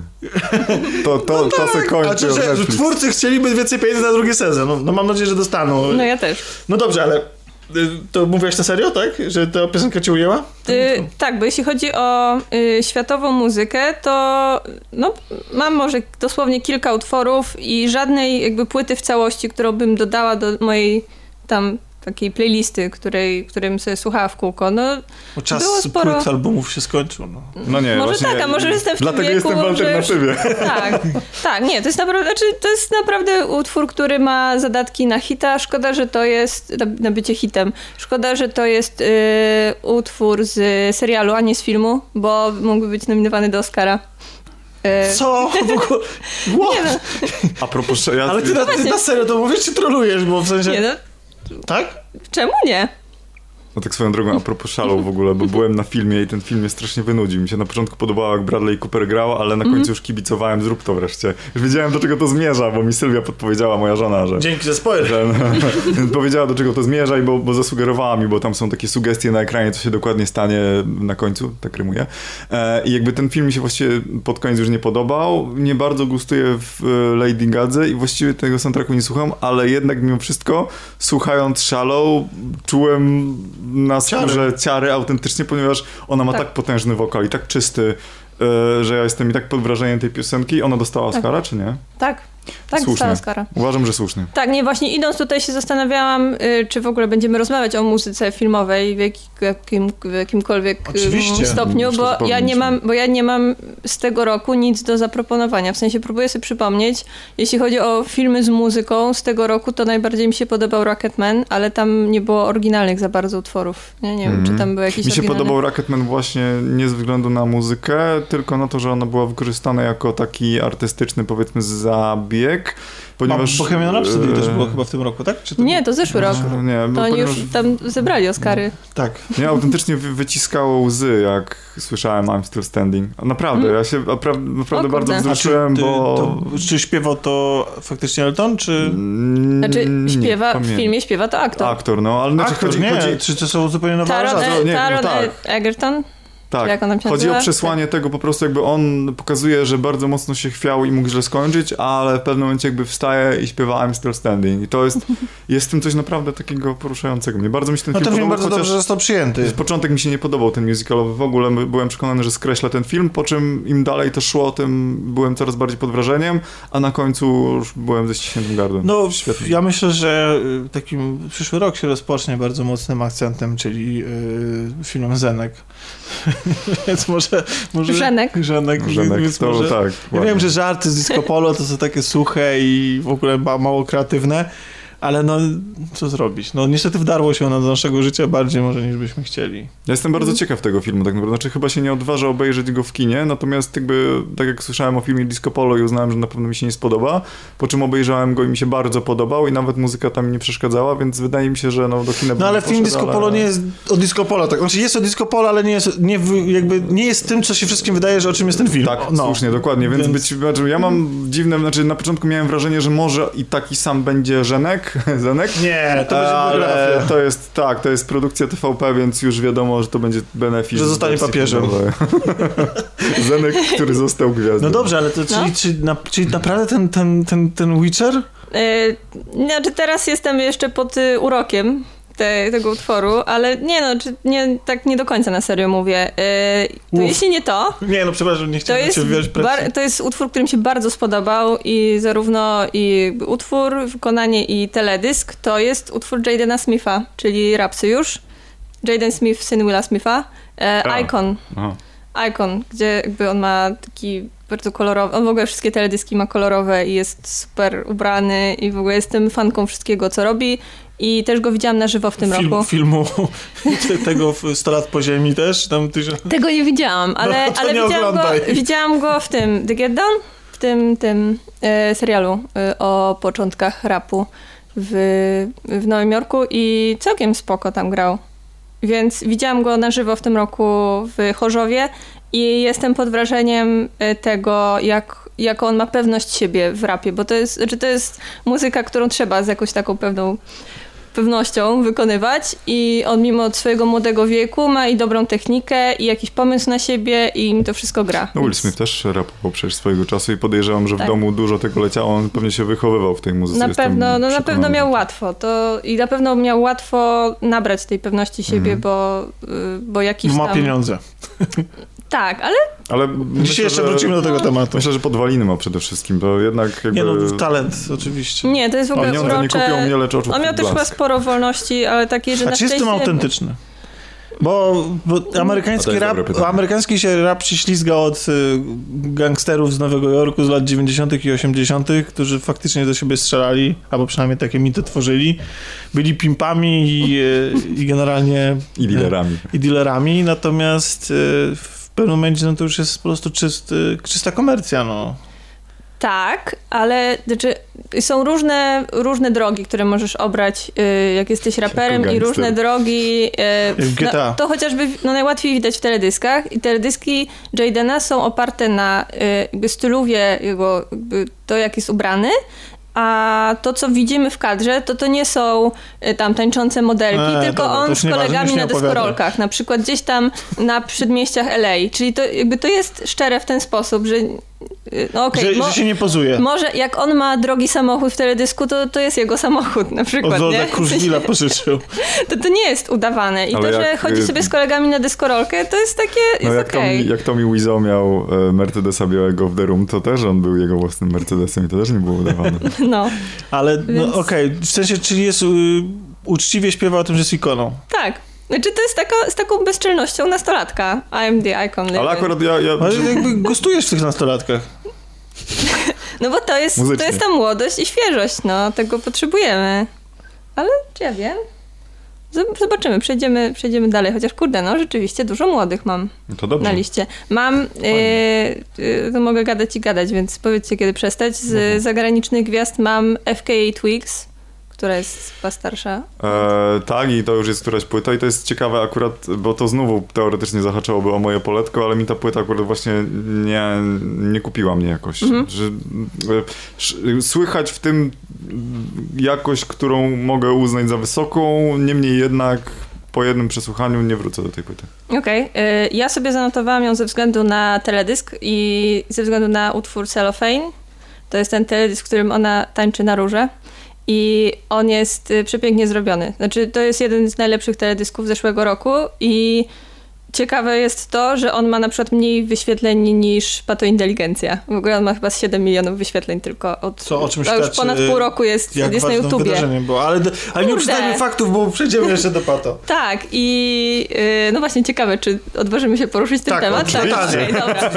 Dobra, o kurczę. No to, to tak, to, to utwór jest dla mnie okej, natomiast na dłuższą metę ja nie jestem w stanie jej słuchać, bo ta muzyka jest dla mnie jakaś, nie wiem, zbyt ambitna, czy właśnie za dużo, jest za bardzo połamana i taka artystyczna, bo to jest nurt art popu. Może jakby dlatego cokolwiek. właśnie mnie nie kupiła, bo ja jednak jestem prosty chłopak ze wsi, z prowincji i ja jednak lubię... Poznania. No nie no, ale ja pochodzę z Trąbek Wielkich, to jest, jak chciałem to powiedzieć, yy, wszystkim. Ja Wow, ale to przepraszam, Wielkich. z szacunkiem dla twojego miejsca pochodzenia i dla wszystkich mniejszych miejscowości, ale Trąbki Wielkie brzmi totalnie jak mała miejscowość, naprawdę. Jak takie, jakby, jakby człowiek miał wymyślić fikcyjną nazwę dla, dla miejscowości poniżej 20 tysięcy mieszkańców, to Trąbki... No tysiąc mieszkańców, może ja jestem z fikcyjnej miejscowości po prostu i sam jestem, jesteś, wy, jestem, jesteś wymyślony. jestem kreacją. Pytanie, czy ty istniejesz? Nie wiem. No Pytanie, czy grałeś jest na trąbce kiedyś? Ale pytanie do kogoś, czy jest wykreowany, zupełnie bez sensu, No. bo... My jesteśmy w internecie, wszyscy jesteśmy wykreowani. Ale z punktu widzenia jakby samej postaci wykreowanej zawsze jesteś autentyczny. No nie do końca. Dobrze. No, nie wchodźmy, to nie Tak, bo a propos serialu The Witcher była Więc- dyskusja o logice w wyborczej. Przepiękny tekst i odpowiedź na... Znaczy, No więc w każdym razie jestem, jestem ze wsi i się szczycę swoim plebejskim pochodzeniem i jakby wracając już do meritum, e, dla mnie chyba też czułem, że ta muzyka... Ja jednak potrzebuję muzyki, jak mówiłem, prostej w odbiorze, z sercem, ale, ale mimo wszystko całkiem prostej. I No, może... No nie, no to FK Twix to jest dla mnie taki, taka muzyka, którą możesz się pochwalić, że znasz, słuchasz i tam znam ten utwór, ale no nie da się tego cały dzień słuchać, to jest w ogóle dla mnie niemożliwe. Jestem Na przekonany, że, tak jestem przekonany że, tacy, że są tacy, którzy będą się tym katować tylko po to, żeby pokazywać innym, że słuchają FK Twigs. Bo tak do mnie doszło od takiego mojego znajomego, zaprzyjaźnionego znajomego właśnie, którym powiedział, o wiesz, jest taka płyta tutaj. Mm, no, Słyszeliście? Jak słuchacie tego zespołu, cały dzień to jesteście pozerami. To jest w ogóle wokalistka jedna, Tani, no taka... e, która też jest tancerką i, ma wykorzystuje to w teledyskach. I ma taką urodę dość charakterystyczną, co jeszcze podkręca, nie? Tak wizualnie, jeszcze zniekształca się to. Tak, Tak. tak, ma teledyski, w których jest związana na przykład swoimi włosami. Ale w ogóle ona jest, tak jakby Ale nawet- są przepiękne, to jest taka uczta dla... w twarz swoją nawet, Tak. ona tak wiesz, a to o swoje oczy powiększa, a to zniekształci sobie tą twarz, no. Jest taką artystką performance, czyta, e, cytując jeden film. Taka jest, nawet okładka płyty jest tak obrzydliwa. tak, Ta, o, tak, tak, jest okropna rzeczywiście, o, o tym właśnie myślę. cała, no Tak, nie, tak. nie. Sztuka wyższa. Ale wrzucimy. Tak, Koniec jaj, nowoczesna sztuka. tak. Dominiku, co tam masz? Żeby jakby... Ale to, to może to dalej w amerykańskich jesteśmy, Tak. czy już mam przejść Znaczy do nie muszę polskich? być amerykańskie, no Znaczy, bo było, Jezu, jakby- za, zachodnie oczywiście, nie. jakby- Chyba, że nie masz i masz i chcesz... Nie no, mam. Znaczy, bo y, nie wiem, bo na pewno jest coś, co tobie się przewinęło, Dorota, przez twoje y, playlisty. To jest The Flaming Lips. Kojarzysz na pewno taki zespół, taką formację. Mhm. Nie kojarzysz? Pierwszy raz Nie, widzę, widzę jak... Pytam, pytam Nie, nie dlatego, kojarzę, że to jest taki zespół, który generalnie nagrał na przykład, z Ma- oni z Miley Cyrus koncertowali, kiedy ona była na, na wokalu i było też tak, że oni skon, skon co skowerowali o cały Aha. Sgt. Pepper's Lonely Hearts Club Band y, właśnie y, też z nią na wokalu i to było dla mnie fascynujące, ponieważ jakby to nie należy właściwie do jej repertuaru. No, Mhm. Ona tam się bardzo dobrze wokalnie wy- wykazała, natomiast ogólnie The Flaming Lips to jest taki zespół, który który co płytę to wychodzi inaczej. Już nie mówiąc o tym, że oni mieli taki, taki odpał kiedyś, że stwierdzili, że będą robić miksy dla ludzi, którzy biorą kwasę i słuchają tego, co oni robią. I wydali płytę, która miała tam bodajże 18 godzin. To mniej więcej coś w tym stylu. Nie? I oni Okej. nagrywali takie właśnie bardzo długie, takie y, psychodeliczne, bardzo dziwne dźwięki, a to czasami grają popowo. No i akurat w tym roku na przykład wydali sobie właśnie taką płytę, która się nazywa e, Ki- King's Mouth, Królewskie Usta i to jest taka psychodeliczna opowieść generalnie, która się dzieje w jakiejś dziwnej, bajkowej krainie. To jest staroszkolny koncept album. Jak mówimy, że odchodzimy w ogóle od płyty, a oni nie dość, że nagrali płytę jako całość, w cudzysłowie nie dość, że nagrali płytę, to zrobili w ogóle to w takim starym stylu właśnie koncept albumu, e, która stanowi od początku do końca jakby zwartą opowieść, do tego stopnia, że jesteś w stanie wziąć sam tekst i go czytać jako powiedzmy taki wierszowany jakiś taki utwór i to będzie nadal miało ręce i nogi, więc to jest opowieść właśnie o królu, który rodzi się jako królewskie dziecko, przy porodzie y, umiera jego matka, on sobie rośnie, rośnie, nie może dosięgnąć nieba i próbując go dosięgnąć, nagle rośnie coraz bardziej, staje się olbrzymem, tam dzieją się różne inne rzeczy psychodeliczne w międzyczasie, natomiast kończy się to tym, że król e, ratuje, e, ratuje cały ten swój kraj e, przed y, lawiną on ginie, ale ratuje twój kraj przed lawiną i zostaje podniesiony do statusu wspaniałego władcy, który oddał życie swojemu krajowi. Masz taką jakby opowieść, taką... To trwa 18 godzin? Nie, to nie, to ja mówiłem o innych. To, to trwa tam, nie wiem, za 40 minut, to tak standardowo mniej więcej i to jest taka opowieść, która mi się bardzo podoba właśnie dlatego, że w pewnym, znaczy bardzo ma ładne melodie. Czasami trochę są tandetne, ale i tak to jest album numer dwa na mojej playliście i jakby ja byłem pod wrażeniem samego faktu, że ktoś się odważył zrobić w ogóle koncept album e, i jeszcze właśnie taki i jest tam jedna melodia, e, utwór Electric Fire, który mnie zawsze wzrusza osobiście. To jest rzadkość, bo mnie muzyka ważna jest dla mnie, ale żeby mnie aż tak, może ja jestem tak wypalony taką ilością muzyki, którą słucham, że zadziałać na moje Muzyki. emocje jest ciężko.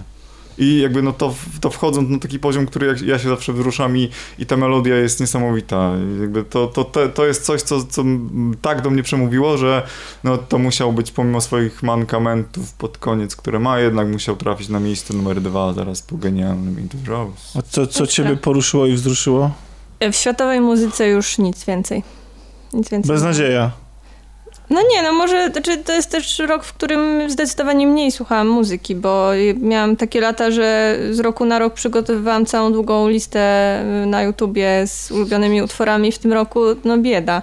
Ale to nie świadczy wcale o kondycji muzyki w tym roku. No ja chciałem powiedzieć, że ja mam właśnie wręcz odwrotnie przez to, że zacząłem robić zestawienie na wszystko gra, to spowodowało, że zacząłem jeszcze bardziej drążyć muzykę i sobie pomyślałem, jak zbierałem się do robienia materiału, myślę sobie, nie no to w sumie ile tych albumów było, może z pięć ciekawych. No zrobiłem taką wstępną listę, patrzę 28 nie?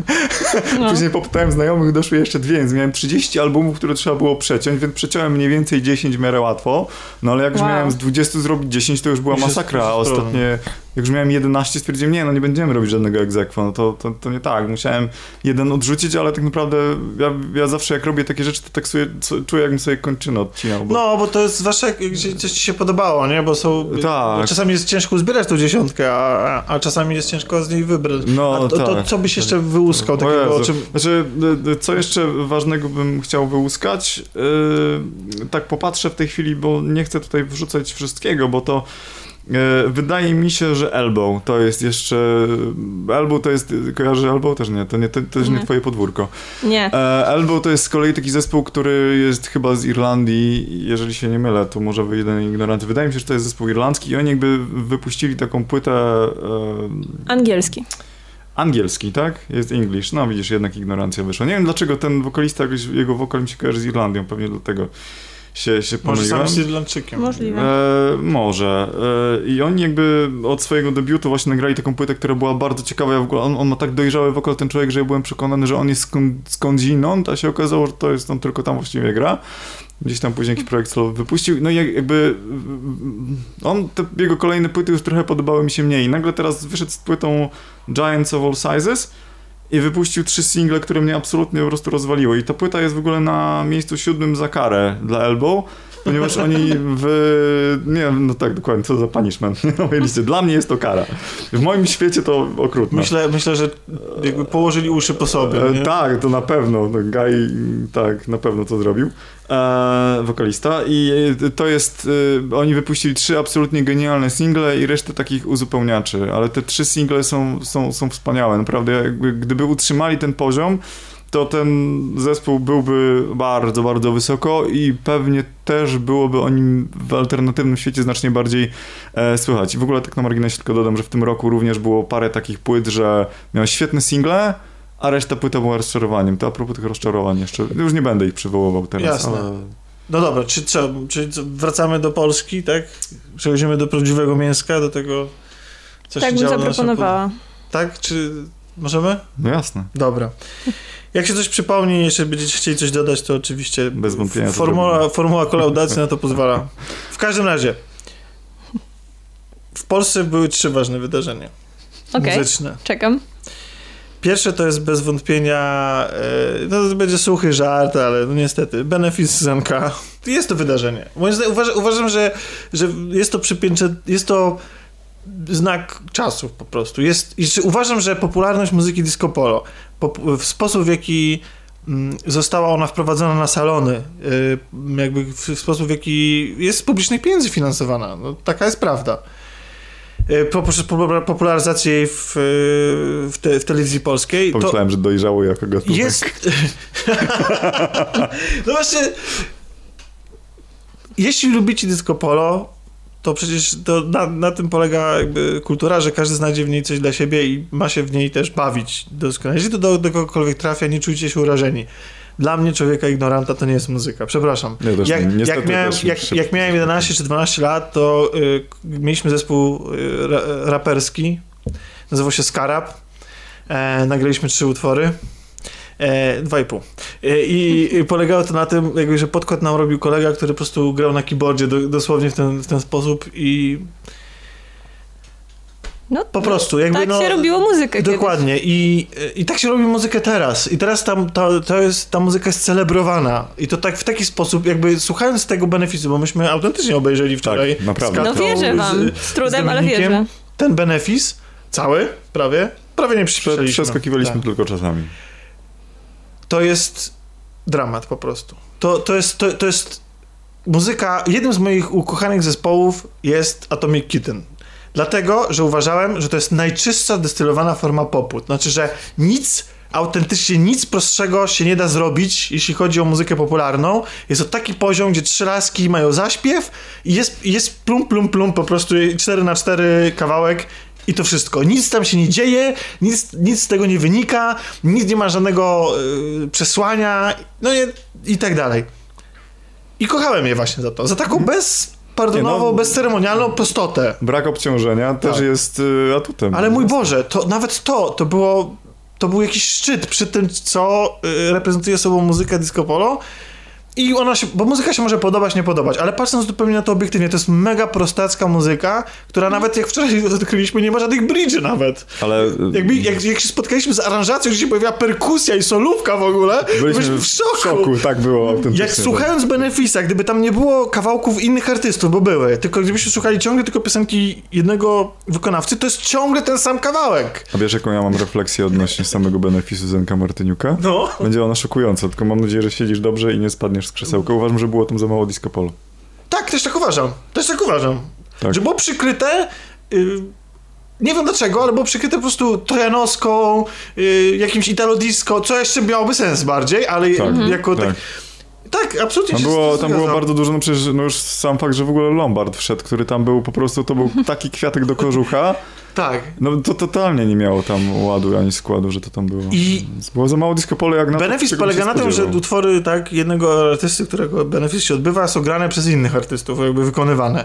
Przychodzili inni artyści, którzy brzmieli dokładnie tak samo, jak swoje własne utwory, jak wszystkie Tak. inne utwory i tak dalej. Tak. To jest wypłaszczona muzyka pozbawiona właściwości. Kompletnie. Znaczy, bo ja bym na przykład mu Nie, chciał... nie zgadzasz się. Masz więcej sentymentu dla, dla tego kawałku. Ja bym chciał na przykład bardzo, żeby Nie. ten Lombard, który przyszedł, skowerował Oczy Zielone po swojemu na przykład, albo, Tak.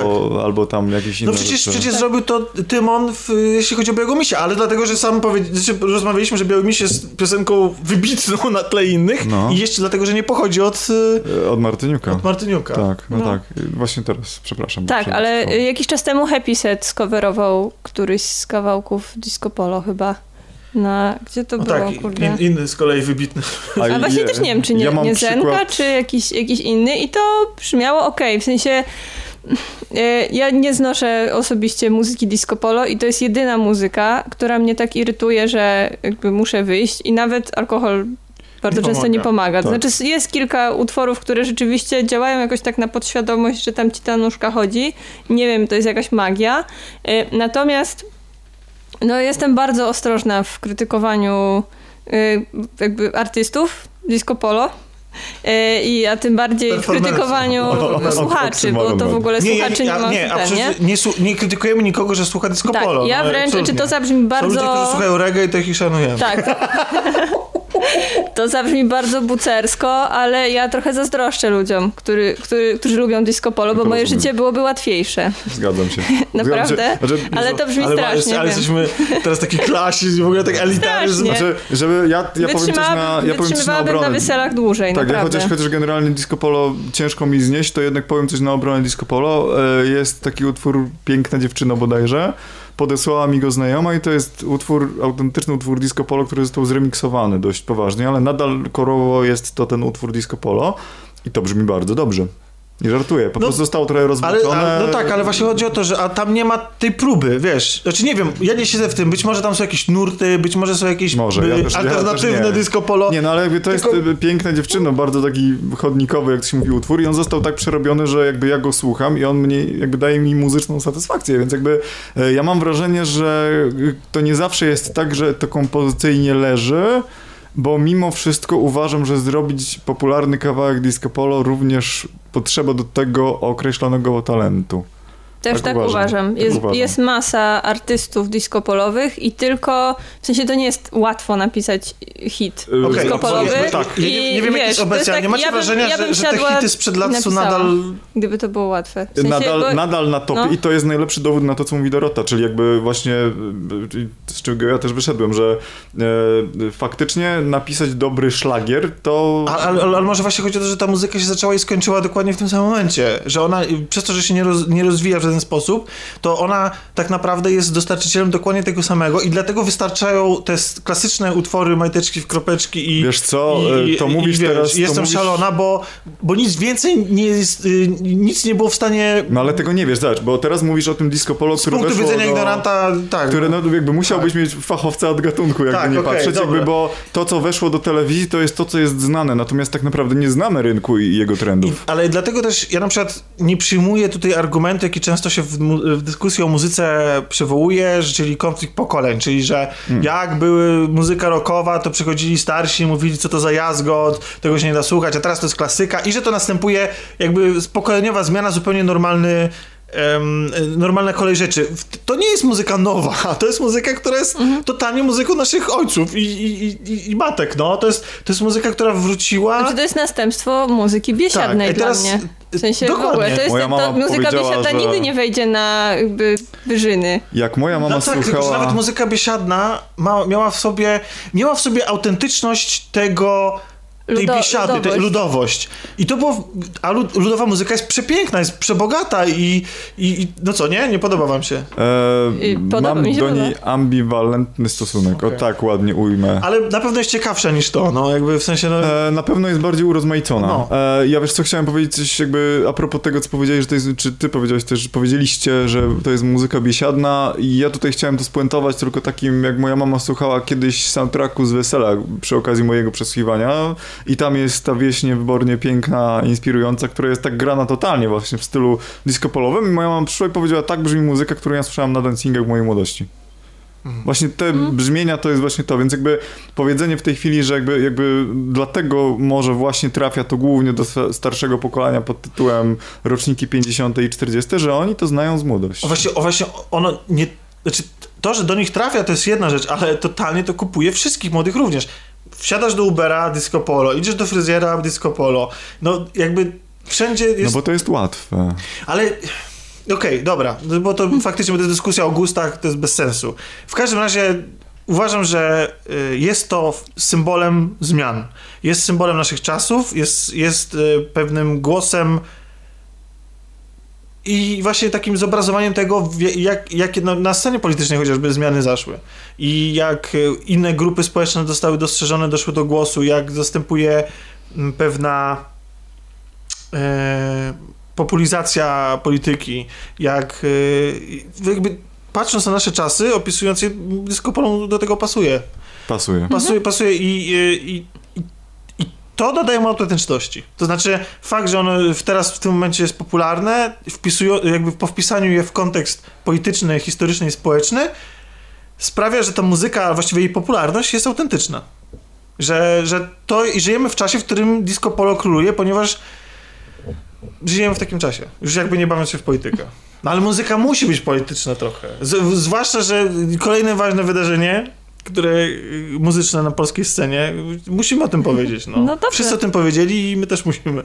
To jest, bo nie da się tego ominąć. Jak sama widzi, jak, jak sama Dorota Nie, no ja powiedziała, to mam też zanotowane. to jest, no. to jest utwór, który wydarzenie, bo to już nawet nie chodzi o utwór, to w ogóle to przerodziło się w narodową dyskusję. Ja jestem, niezależnie od tego, co powiemy teraz o samym utworze i naszym stosunku i tak dalej, to jest absolutnie rewelacyjna rzecz, że powstało dzieło kultury, które wzburza, pobudza, yy, powoduje, że... Kładzie na matę. Tak, dokładnie. o, ładne, ładne.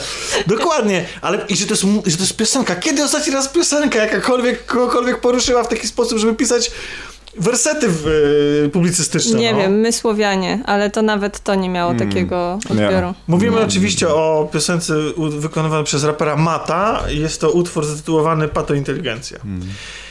Dobrze, więc od razu się do niego ustosunkujmy. Podobało się? Mi się bardzo podobało. A słuchałem tylko fragmentu, ponieważ... Nie e, lubisz rapsów? e, Nie bardzo właśnie. Dlatego jednak mało krwi jest tutaj. Miałem nadzieję, że się potłuczemy w ogóle z Mm.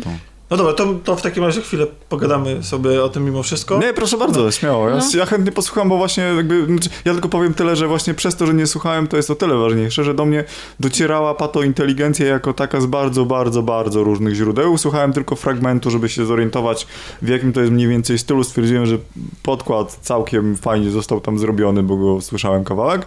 Gościu jest merytoryczny, że tak powiem, w sensie, nie wiem jakie były realia, ale brzmi to wiarygodnie, ja tak to odbieram.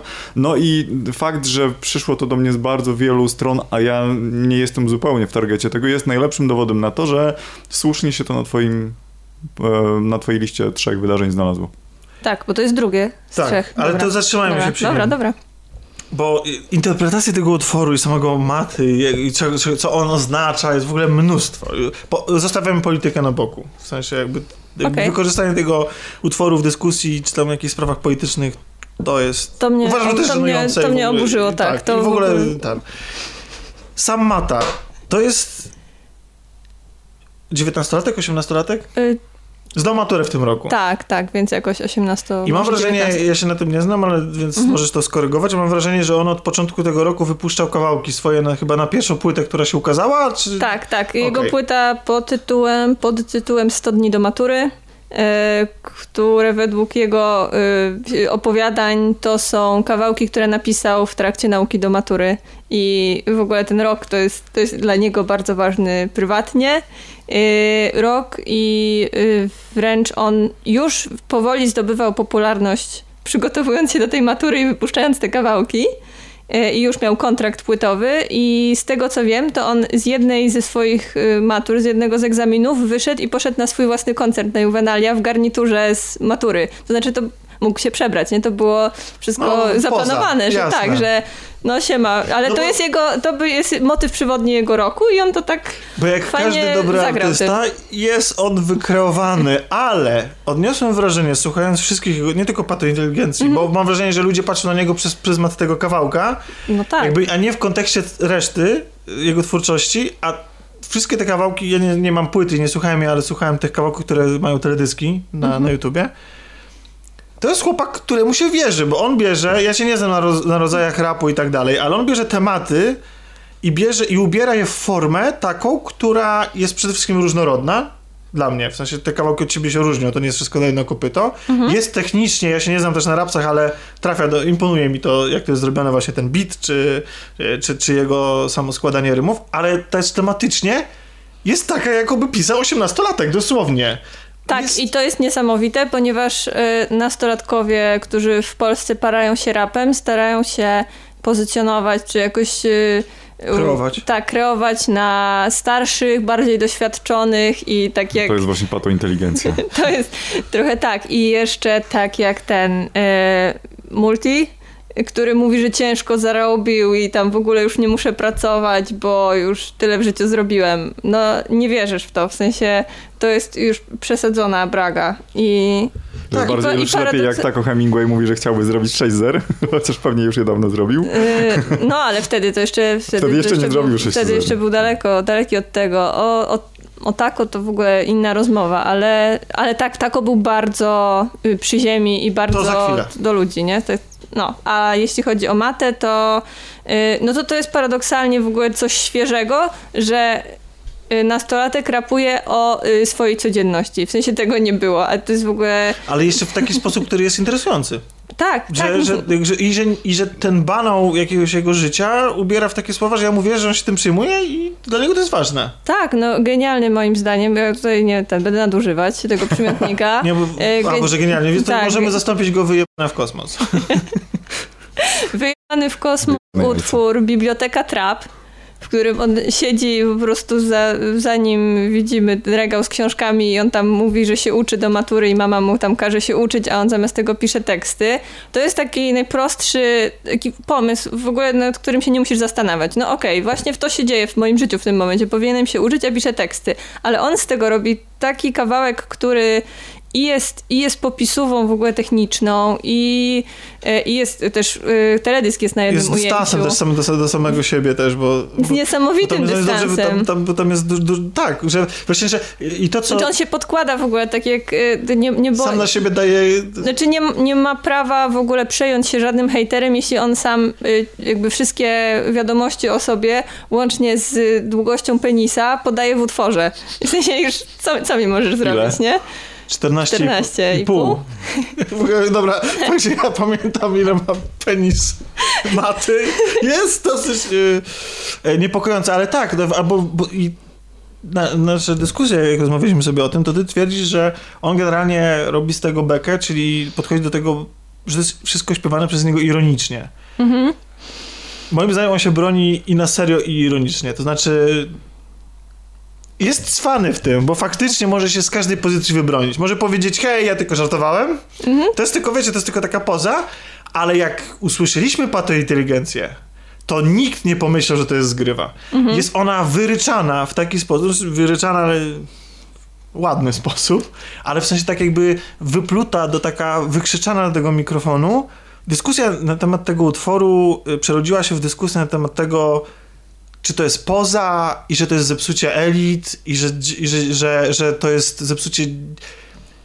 Ja myślę, że ten utwór się spodobał, ponieważ on trafił do starych ludzi, takich jak my i jeszcze starsi, i nie dał ma. im ten argument, że taka młodzież jest taką satysfakcję, że teraz można, że młodzież się przyznaje do tego i, i ta inteligencka, taka bogata, że się przyznaje się do tego, że jest zepsuta i że jest taka beznadziejna, a że my byliśmy lepsi. Um, więc on dlatego też się spodobał, wydaje mi się, naszemu pokoleniu tak bardzo, bo znaczy naszemu i starszemu, e, czyli okej okay, boomerom, bo, bo... Możemy bo... sobie dzięki temu ponarzekać. Tak, tak? ponarzekać. Na, na ja tylko wejdę tutaj tak. z jedną uwagą, bo właśnie y, zapytałem mojego kierownika, no dobra, z czym to się je? A on, no to jest o gościu, który ma kupę hajsu, ale chciałby, chciałby być patusem i na to się skarży. No mniej więcej taka no, była recenzja. Ale nie, bo właśnie, bo, bo, bo też można sprowadzić ten utwór do tego, nie? Tak, i dużo ludzi tak to odbiera i wtedy no, ten, ten kawałek bardzo łatwo y, ściągnąć w ogóle do parteru. I, Zdyskredytować. Tak, bardzo łatwo, ponieważ on bez kontekstu Mm, no, jeśli, zwłaszcza jeśli wyciągniesz pojedyncze wersy, to, no to, to tak, jak, tak jak mówisz, możesz dyskredytować tego rapera w ogóle bez problemu, ale nie o to chodzi. W sensie no ja przyznam, że usłyszałam Pato Inteligencję jako pierwszy utwór Maty, więc nie znałam ja jego przeszłości, ale y, miałam przynajmniej znajomość kontekstu rapowego w Polsce. I ja już po prostu po pierwszych sekundach widziałam, ok, młody raper jest o klasę wyżej od innych młodych raperów, których znam i już jakby byłam, już miałam to, nie? Jakby już miałam takie porównanie. A ktoś, kto w ogóle się nie interesuje rapem, zobaczy, że zobaczy teledysk, który jest, y, w którym, który jest bardzo wulgarny, w sensie tekst, y, w którym y, wokalista, czy, czy ten raper się przyznaje, czy opowiada o jakimś właśnie zepsuciu młodzieży, to można to bardzo tak płytko odebrać i tylko stwierdzić, nie no, bo nie mogę tego słuchać, to jest jakieś w ogóle... No tak, nie? można mu przypisać na przykład to, że on się tym popisuje. Tak. Że on, że, że, bo ten utwór można jednocześnie odbierać jako takie przyznanie się, oskarżenie własnego pokolenia, albo, ale też można mu spokojnie powiedzieć, że hej, ty tak naprawdę szpanujesz, wychodzisz tutaj i mówisz, że wy nie jesteście i że to jest, mhm. wiecie, bo to jest jakby w takim przyznawaniu się do tego, że jesteś złym, jest jednocześnie e, może, każde przyznanie może być jako skrucha, ale też jako wręcz jako popis, nie? W sensie odebranie. I raperzy zazwyczaj popisują się bycia e, złym człowiekiem w sposób taki właśnie, który ma ich gloryfikować. I Tak. natomiast ten utwór właśnie jest tak wieloznaczny, że można na niego patrzeć pod różnymi kątami. Moim zdaniem on przede wszystkim w ogóle nie jest w żaden sposób szokujący. To znaczy, ja powiem, które frazy są, są szokujące i dlatego uważam, że ten utwór jest prawdziwy. I dlatego mnie on ujął. On jest, jeśli chodzi o, y, przepraszam za wulgaryzmy, jeśli słuchacie tego przy dzieciach, ale jeśli chodzi o ćpanie ruchanie, to jest w żaden, to ile miała molesta, ile miał kaliber jak rapowali? No ile, on, ile, te, ile ci chłopacy mieli lat? No nie, niewiele. No wiem, że, wiem, że Magik zaczynał jak miał 13. Dlatego Mata zaczął jak miał 12, bo chciał być lepszy od Magika. Ale, ale, ale w sensie takim, że po pierwsze, po pierwsze, to były też dzieciaki, które śpiewały dokładnie o tym samym. To jest raz. Dwa. Ja byłem nastolatkiem, nie byłem, chodziłem do liceum, co prawda takiego... Ja nie byłem nastolatkiem nigdy. Mógłbym sobie to wyobrazić. Od się urodziłeś z brodą i taki, wiesz, od razu Tak, alternatywny. tak było, tak było. Muzyka alternatywna. Zawsze byłem Jackson to łysy. nie. Wiesz, Skelly Family to nie. Słuchaj Skelly Family? Ja słuchałam. Nie, nie, ale przypadkiem kiedyś byłem na próbach do koncertu Kelly Family, bo moja kuzynka się strasznie mierała, a oni są z Sopotu. I miał być koncert właśnie Kelly Family, więc podeszliśmy pod operę leśną i tam jest taki teren, że tam się wszystko, to jest otwarty teren, więc tam Jasne. się wszystko niesie, więc myśmy byli za płotem i słyszałem nastolatki, które, ja wtedy spotkałem się z grupi, z prawdziwymi, ja jeszcze nie wiedziałem, co to znaczy. Ja miałem 12 lat i słyszałem, jak one krzyczą Buddy, I love you! I zalewały się łzami. I ja wtedy doświadczyłem, właśnie chociaż byłem jeszcze dość młody, ale to już taka jedna ze świadomych myśli brzmiała, ale nie byłem wulgarny wtedy, ale tak bym ją streścił y, zgrzebnie, o kurwa. Okej. Okay. Postanowiłeś że żeby sam być sławny i mieć grupis. Tak, i, i oto jestem. I oto jesteś, piszesz i nagrywasz dla Tak, i za, i, za, i za karę y, ten ze- zespół zostaje zdyskredytowany na siódme miejsce. Przepraszam na chwilę. Ale wracając do samej patointeligencji. Takie rzeczy się działy za moich czasów. Ja nie chodziłem do inteligenckiego, bogatego y, liceum, do zwyczajnego w małej miejscowości. Moje koleżanki zdawały maturę i były w ciąży albo już urodziły. U nas były tak samo próby samobójcze, narkotyki również były. Tak samo rzeczy związane z seksem. To, to nie jest nic, co naprawdę... Czym ta piosenka szokuje. To, dlaczego, czym mnie zaszokowała, i dlaczego uważam, że jest w tym jakaś prawda i dlaczego mnie ujęła. To są wersy, i dlatego ona mówi o pewnym pokoleniu i, pew, i mówi o pewnych zmianach i podsumowuje pewien jakiś rozdział. I można się zrzymać, że to są biedne dzieciaki, które są rozpuszczone, że tak biedne w cudzysłowie, nie? W sensie, że o, wiesz, bo masz pieniądze i możesz sobie pójść na terapię, a, a, a- biedni ludzie, e, którzy rapują od lat o tym, że ich życie jest beznadziejne i, i żyją w brudzie i syfie i przestępczości dookoła, są pozostawieni samych sobie i nad, nad nimi nikt nie, nie uklęka i w sensie nie pochyla się nad ich problemami. No ale to znaczy co? W sensie odejmuje to w jakikolwiek sposób prawdziwości temu utworowi i, i jakichś i złych emocji, w sensie jakby no niezależnie od tego, gdzie się urodziłeś, jak się wychowałeś, każdy ma swoje problemy i, i każdy ma prawo o nich mówić. Chodzi Ale- o to, że rozpoczął dyskusję, tak? Tak, chodziło o to, że rozpoczął dyskusję, a mówię oczywiście o frazach, w których y, nie- nienawidzi oczywiście w cudzysłowie, bo przecież nawet sam fakt, jak tam w wywiadach, że on tam z ojcem, który pomaga mu nagrywać te kawałki, jeździł z nim razem do studia i tak dalej, gdzie on nienawidzi swoich y, rodziców za to, że są dla niego za dobrzy i dlatego, że jego życie go zblazowało. I że on zawsze chciał być taki zły i w ogóle.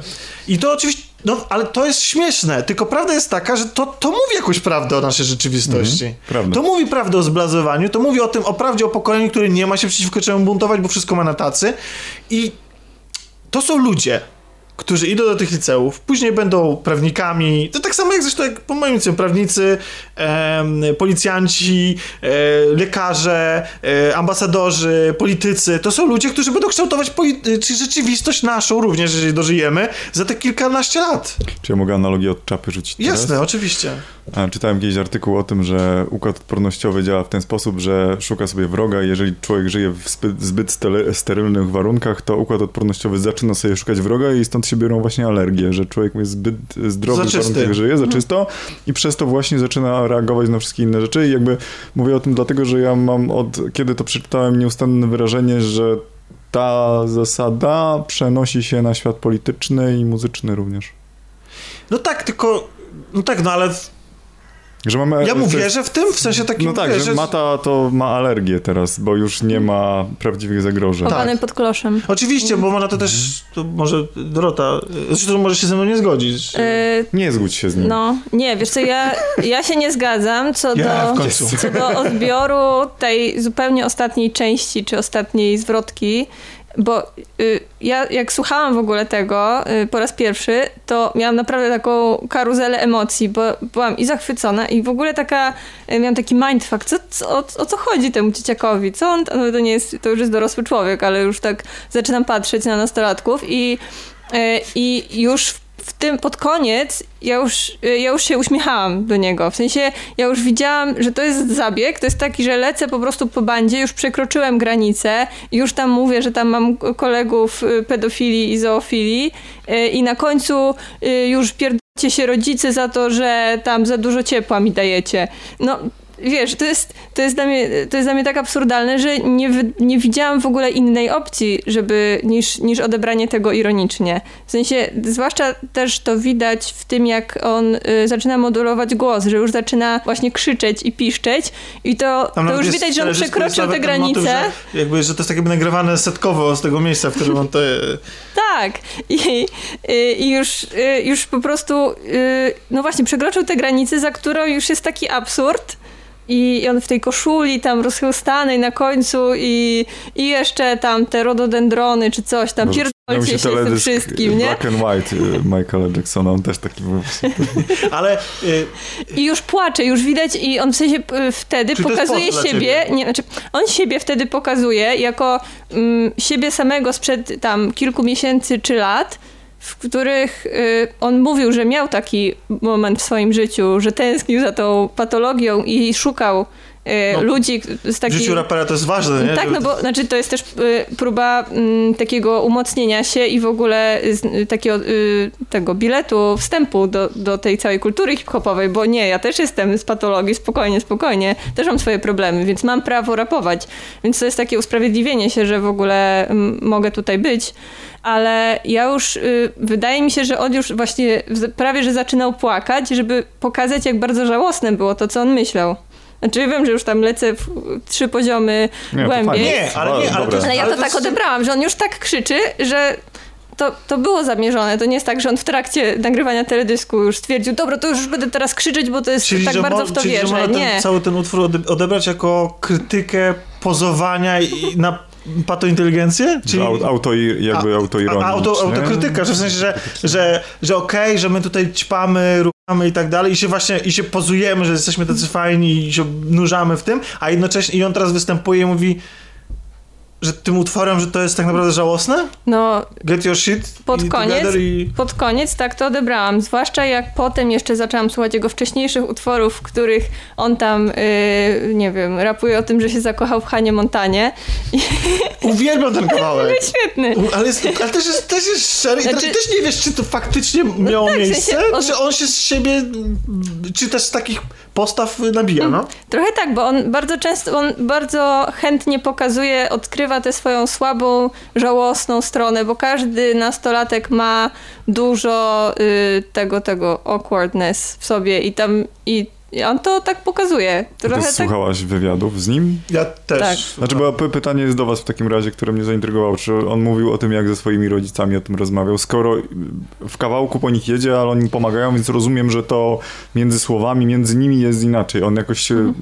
wypowiadał na ten temat? nie wypowiadał się konkretnie o patointeligencji, bo chyba wywiad był sprzed patointeligencji, no więc y, tutaj trudno... Od tego czasu już stary mu nie pomaga. Nie, ale, ale jego stary tam... Doskonale wie, co on robi. Tak, dokładnie to wie i też udostępnił zdjęcie z nim tam na Twitterze już po wyjściu patointeligencji Jednak tam z podpisem przyznają, słuchajcie swoich dzieci, bo mają coś mądrego do powiedzenia. W sensie aż tak A. go wspiera, yy, więc ja to nawet miałam takie obawy, jak się dowiedziałam, że ojciec Maty jest profesorem i jakby taką dosyć ważną osobą w świecie yy, akademickim i prawniczym, Ach, że będzie miał jest- problemy. Aha, prawniczym. Tak, on jest spalony. No, ale- To właśnie ma plecy teraz, to ta szkoła może sobie mu naskoczyć z tym pozem. Znaczy, po pierwsze ma talent, więc ró- równie do... ma talent. Ale ma, w sensie takim tak naprawdę i szkoła, i cokolwiek, w sensie zawsze się wybroni. Znaczy w sensie zawsze się odnajdzie i zawsze sobie poradzi, bo chłopak ma talent, no jakby trafił w swój czas. geniusz tego kawałka i całego jego, jego pozy i tak dalej. Nie ja- bójmy się tego słowa, geniusz. Ja, ja, ja, Geniusz, ja, ja tak. nie lubię jednak. Ale- ja ale jestem w alternatywie. polega na tym właśnie, że, że, że nie da się go prosto sprowadzić do tego, że, do, że ten tekst nie jest prosty interpretacji, że można na niego spojrzeć pod różnymi kątami, socjologicznie, społecznie, historycznie, nie wiem, pre- pod względem kultury rapowej, e, czy hip-hopu, bo rapowej. Tak na The Room znowu. Znowu będę wracał do Tak. Zawsze Więc całe nie, no, nie- jednak, jednak technicznie jest lepiej wykonany to kawałkiem sztuki niż The Room, więc, e, więc nie zostawiałbym aż tak bardzo tych, tych utworów i to jest e, wow po prostu. Mhm. To jest coś, co robi na mnie ogromne wrażenie. I czy się podoba komuś, czy się nie podoba, czy bierze to na serio, czy podchodzi do tego z No budzi dystansem. emocja, to już jest jakby podstawowe zadanie I, i sztuki. nadal nie? nie, wiesz, co o nim sądzić. W sensie takim, że wiesz, jakby, że masz na, na, na temat jego tysiąc mm, myśli i możesz na to spojrzeć z różnych stron. No kurde, to jest, Tak. to jest sztuka, no. I on został dobrze odebrany też y, poza kręgiem rapowym, bo dużo artystów z innych dziedzin, no, Nosowska to ma coś już do czynienia z rapem, bo jest osłuchana, E, Tak? ale Nie tak. wiedziałem o tym. Tak, znaczy ona tam, ona tam próbuje rapować na ostatniej A, płycie, no, ale no. też jej syn y, chyba słucha dużo rapu i ona jest mniej więcej obeznana, więc tutaj A. trudno powiedzieć, że to jest ktoś zupełnie spoza, ale wiem, że dużo, dużo, dużo tych pozytywnych opinii było też spoza w ogóle rapsów, więc... Więc to jest utwór- który da się bez tego kontekstu, bez tej znajomości odebrać, moim zdaniem, zgodnie z intencjami twórcy. To co, numer 3? Tak, numer 3 No. i ten, z tym numerem 3 to mam trochę problem, bo walczyło o to miejsce sporo, sporo rzeczy. No między, innymi, między innymi na przykład y, zestawienia Dominika na naszej stronie, A jednak nie weszły. a jednak musiało się to ugiąć przed wydarzeniem, które z jednej strony jest sukcesem, a z drugiej strony jest porażką trochę. E, Takim mierzeniem siły na zamiary nie jest. W sensie jest bardziej zamiarem podług sił. I to mnie właśnie trochę zawiodło. Mianowicie chodzi o, zresztą tu już temat został trochę zajawiony przez Dorotę, chodzi o koncert Tako i podsiadło na... E, bo trasa w ogóle małomiasteczkowy to jest, bo to może, myślę, że można zaliczyć się do tego roku też, ale to jest absolutnie... Częściowo tak. A Podsiadło już ma nową trasę i znowu Akustyczną wyprzedał, to, tak? znowu wyprzedał stadiony. Stadiony. Mniejsze co prawda, ale samodzielnie I dlatego wyprzedał. właśnie jego wspólny koncert e, z Tako, czyli podsiadło i Tako na Stadionie Narodowym, z jednej strony jest moim zdaniem mega ważnym wydarzeniem kulturalnym w Polsce, ponieważ na razie to są dwaj, wydaje mi się, turbo popularni artyści, a podsiadło to już jest w ogóle królem w tej chwili, Michaelem Jacksonem. Polski biały Polskim. Michael Jackson. Polski biały. Ale kurczę, że fakt, że oni musieli połączyć siły, żeby zapełnić stadion, jest małym takim niedosytem. Oni nie musieli. Nie musieli, mi się też wydaje, że nie musieli połączyć Myśl, sił. bo, bo, bo to jest, jak, jak się rozmawia, przepraszam, bo ja trochę się obracam z muzykami, e, to, to, to jakby jednym z głównych tematów, jeśli chodzi właśnie o w temacie, jakby w, jeśli chodzi o zagadnienie popularności, sprzedaży i tak dalej, to jest to, ile ludzi przychodzi na koncerty, czy jesteś w stanie zapełnić stadion narodowy. I jest jakiś taki taki goal, taki, taki cel tego, że, przy, że zapełnia stadion, tak jak te gwiazdy e, zagraniczne, które przyjeżdżają i po prostu tam jest po brzegi wypełnione ludźmi. I kurczę, myślicie, że spełnią? Czy nie? Znaczy to nie, podejrzewam, że to nie była tylko jego decyzja. Y, To jest tak, że podsiadło, cała jego poprzednia trasa była wyprzedana i poprzednia chyba jeszcze też. Więc już jest ta presja, że gdyby zrobił Sam. y, zrobił sam na Narodowym, to może by się nie wyprzedał. Może by, no i wtedy by była klapa. Znaczy to absolutnie nie byłaby klapa, gdyby sprzedał 90% biletów na Narodowy. Nie, byłaby. To, ale Byłoby, ale że- PR-owo no. byłaby to klapa, więc uznano, że, że zrobią tak. Aczkolwiek ja wiem, że też yy, podsiadło z Tako są sobie jakoś ideologicznie bliscy, to, to trudno mi powiedzieć, nie, nie, może nie prywatnie nie są przyjaciółmi, ale y, oni pasowali do siebie i to ja był ciekawy pomysł. to jako taką synergię, bym powiedział. Trochę jako takie... Ja to widzę w szerszym kontekście i moim zdaniem to było po to, żeby trochę dotrzeć do... e, żeby Tako dosz, do, do, dotarł trochę do e, fanów Podsiadła, a fani Podsiadła, żeby trochę Tako wzięli, a z drugiej strony mam wrażenie, że ktoś gdzieś wyczaił też, że w gruncie rzeczy oni siedzą w tym samym targecie i że może by tak Mhm. zrobić takie bum, takie mam Znaczy, wrażenie. Podsiadło w ogóle występował gościnnie na płycie Tako. Y, Jakby Nie, no. wcześniej tam mieli współpracę, więc to było dosyć naturalne. Czyli że, naprawdę że czujecie między tymi razem. personami chemię? Nie, nie, nie, ja, ja, ja tylko powiedziałem, że No. mniej więcej podobne osoby Okej. słuchają. Ja jestem Mhm. świetnym przykładem tego, ponieważ e, ja na przykład jako słuchacz muzyki alternatywnej nie bardzo lubię podsiadła, natomiast mam szacunek do niego jako do osoby. Wydaje mi się, że jest w ogóle świetnym takim gwiazdorem i showmanem. E, no i bardzo lubię jego teledyski na przykład. Jego muzykę średnio i jakby z drugiej strony, jeżeli chodzi o moje zupełnie jakby, ja totalnie nie siedzę, w, jak wiecie, w rapie ani hip-hopie, natomiast y, jego tą płytę, jak ona się nazywała, ta co nią nagle zdobył wszystko, ta od Marmur? 6 zer? Nie, nie. Nie, nie, to e, Trójkąt Warszawski to ta epka, potem był... No, no, no, właśnie e, ten jego taki album, który, na którym była ostatnia, znaczy następna stacja, ta, ta No, płyta. e, No i teraz wyszła tak. niekompetencja. W każdym razie, no wszyscy No. wiedzą, jaką płytę chodzi. Jakby to jest płyta, którą ja przesłuchałem bardzo wiele razy, chociaż jakby jakoś dlatego może, że ona po, podkład do następnej stacji jest jakiś taki bardziej muzyczny. Jakby mimo wszystko, przynajmniej z mojego punktu widzenia, ja ich w głowie mam w bardzo podobnym obszarze, że tak powiem. Jakoś tak mi pasują razem. Nie wiem dlaczego. Rozumiem. Umowa o dzieło. To pewnie to. O, tak jest, dokładnie tak. Myślałem, że mówisz najpierw o kontrakcie, który ich razem wiąże, a potem pomyślałem, że nie, jednak to był... Tak, tytuł płyty umowa o dzieło. No to, no to oni są dla mnie trochę jednak się rozmijają. W sensie, ale jeśli chodzi o skalę popularności, to oczywiście pasują do siebie. To jest takie małżeństwo trochę dla mnie z rozsądku. Moim zdaniem, też mam taki, taką moją y, teorię, y, że Tako dla Dawida i vice versa mogą być y, jednymi z nielicznych osób w Polsce, które się porozumieją na gruncie radzenia sobie z popularnością. W sensie oni mają bardzo podobne problemy i mało kto ma aż taki problem z Cała popularnością jak płyta oni. przecież y, podsiadło jest tak naprawdę mało mesteczkowy, jest o tym, że, o że on ma do, tak, że on ma trochę tego dosyć i już jakby już się pozbył tej anonimowości, już jej nigdy nie odzyska w Polsce.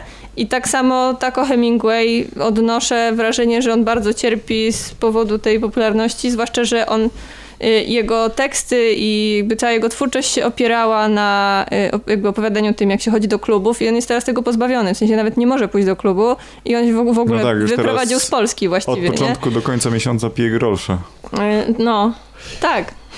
Okej, Więc w tym ale- sensie no oni dobra. się mogą porozumieć. W sensie nikt tak nie zrozumie drugiego popularnego artysty, nie? W sensie Ale jednak wydarzenie, Hmm. znaczy w sensie, był, zresztą to był super koncert.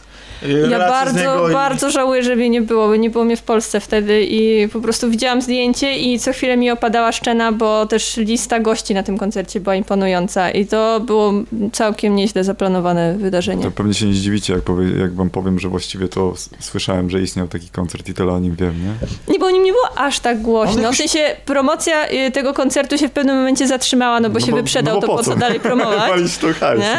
Ja się dowiedziałem o tym praktycznie tuż przed. No. Więc nawet... No więc to są moje. Jeszcze tylko do części zagranicznej powiem tylko i oddaję wam głos, jeśli chodzi o polską muzykę. E, I moim wydarzeniem roku muzycznym, który pewnie nikt tak nie odczuł tego z was jak ja, e, to była śmierć Keith Flinta.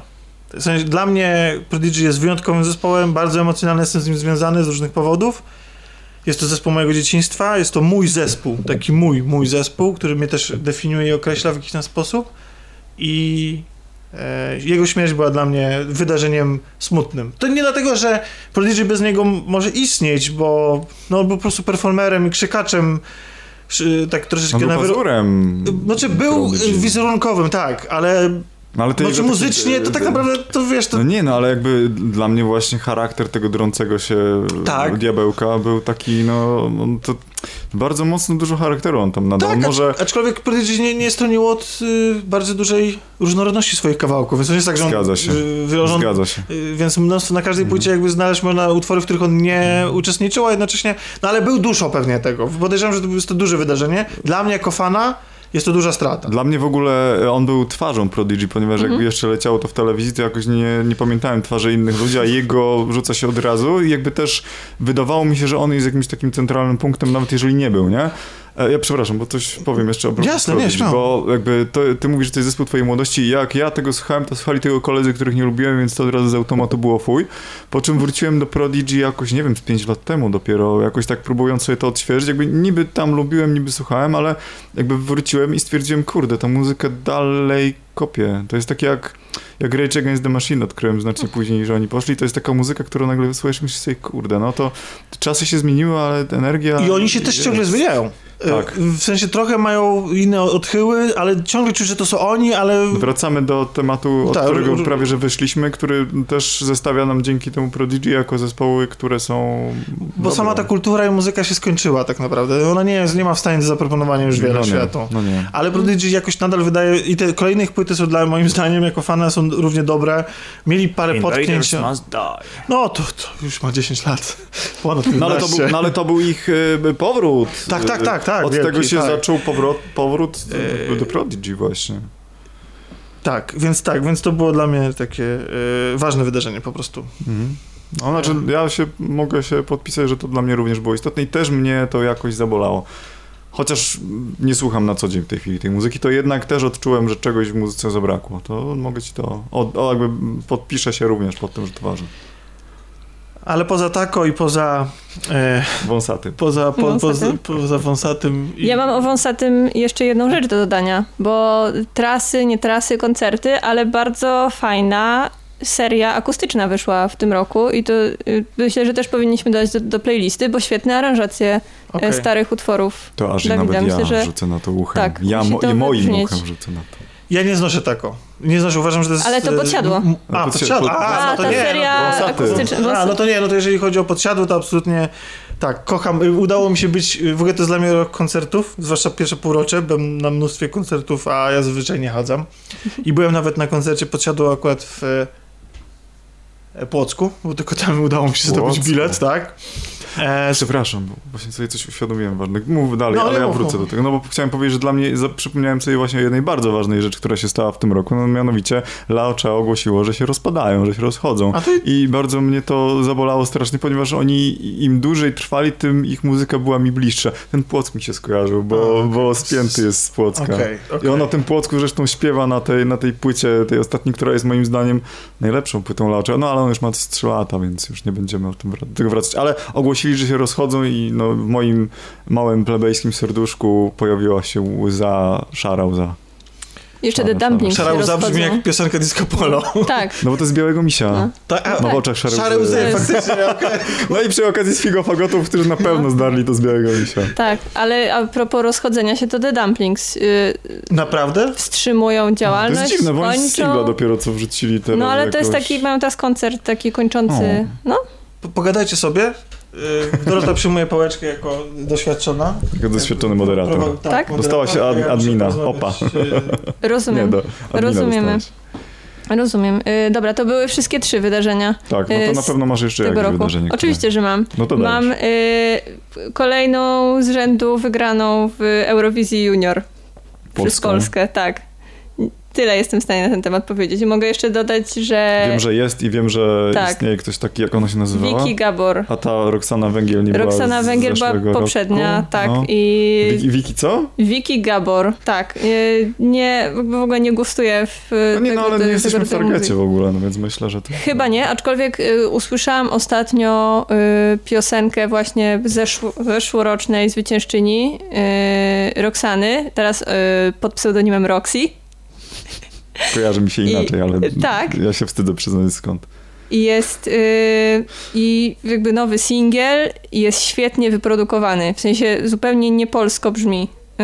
Y, ten utwór, ona ma dosyć mocny yy, głos i... To akurat tak, to, to, to akurat o tym wiem, że ona ma, ma dobre produkcje, tylko dlatego, że jak schodzę na sam dół do programistów w naszej firmie, to oni mają tam Mhm. czasem radio włączone i jakby rzuciło mi się w ucho, że ją słyszę i nagle uświadomiłem sobie, kurde, to polski wokal jest i ona śpiewa po polsku. Ta, y, y, I sobie okej. myślę, wow, w ogóle nie wpadłbym na to, że to jest z Polski wyciągnięte. Może, a to jest na pewno polska produkcja, bo to, że to jest polska Nie, czy wokalistka, to nie jest żaden znaczy, ja, argument. Tak, ja słyszałam kawałek po angielsku, jakiś jej nowy Mhm. y, i Ja mówię o czymś wcześniejszym, ale jakby już słyszałem, że produkcję ma Tak. faktycznie dobrze zrobioną. tak, to był, to jest jakiś australijski producent, A, ten widzisz. co jej robił No i muzykę. wszystko jasne. Nie? No, tak samo, no, Margaret ma szwedzkich producentów, znaczy Mhm. Teraz tam się trochę pozmieniało. Jakaś Mhm. afera była, czy, czy zakończyła działalność z kim, współpracę z kimś tam, Mhm. ale e, tak, to, są, to widać niestety. I aż mi jest przykro, bo mamy og- ogromną rzeszę uzdolnionych wokalistów w Polsce i to udowadniają kolejne programy typu Voice of Poland i Mhm. tak dalej. I jeśli chodzi o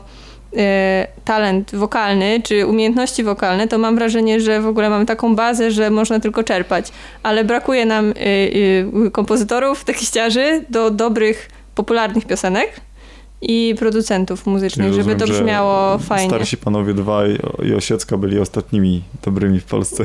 Nie, nie, są, są dobrzy. Są Nie, dobrzy żartuję, a tak, a tak zupełnie tak. serio, jak myślisz, z czego wynika fakt, że tak się, że, że, że w Polsce, znaczy ja jakby nie wierzę w to, że w Polsce brakuje talentów, Mhm. Natomiast skoro ich nie widzimy, no to pytanie, z czego to wynika? No bo jak masz australijskiego producenta, to sobie myślę, no może on ma po prostu sprzęt, który Mhm. kosztuje więcej niż całe województwo małopolskie na przykład, tak? I, i okej, on może wyprodukować to lepiej, więc sprzętowo, no ale odnoszę wrażenie, że nie tylko sprzętem stoi ten przemysł. Nie wiem, no a to jakby skąd się bierze słaby dźwięk w polskich filmach? To jest jakaś po Wiesz prostu co, nierozwiązana zagadka, no. to Jakby To, nie jest tak, możemy- żeby nas nie stać na to, chyba żeby Znaczy, to po, było po dobrze pierwsze jest to nie do końca prawda, ponieważ w wielu Aha. polskich filmach y, miksują dźwięk w Holandii, to jest raz. Dwa, y, no wiesz co, po pierwsze polski język jest trudniejszy do, do, do w ogóle nagrywania i Aha, Możesz mieć tak, że masz polski film nagrany tak samo jak angielski, a jednak Polaków będzie gorzej słuchać, bo to jest specyfika języka polskiego.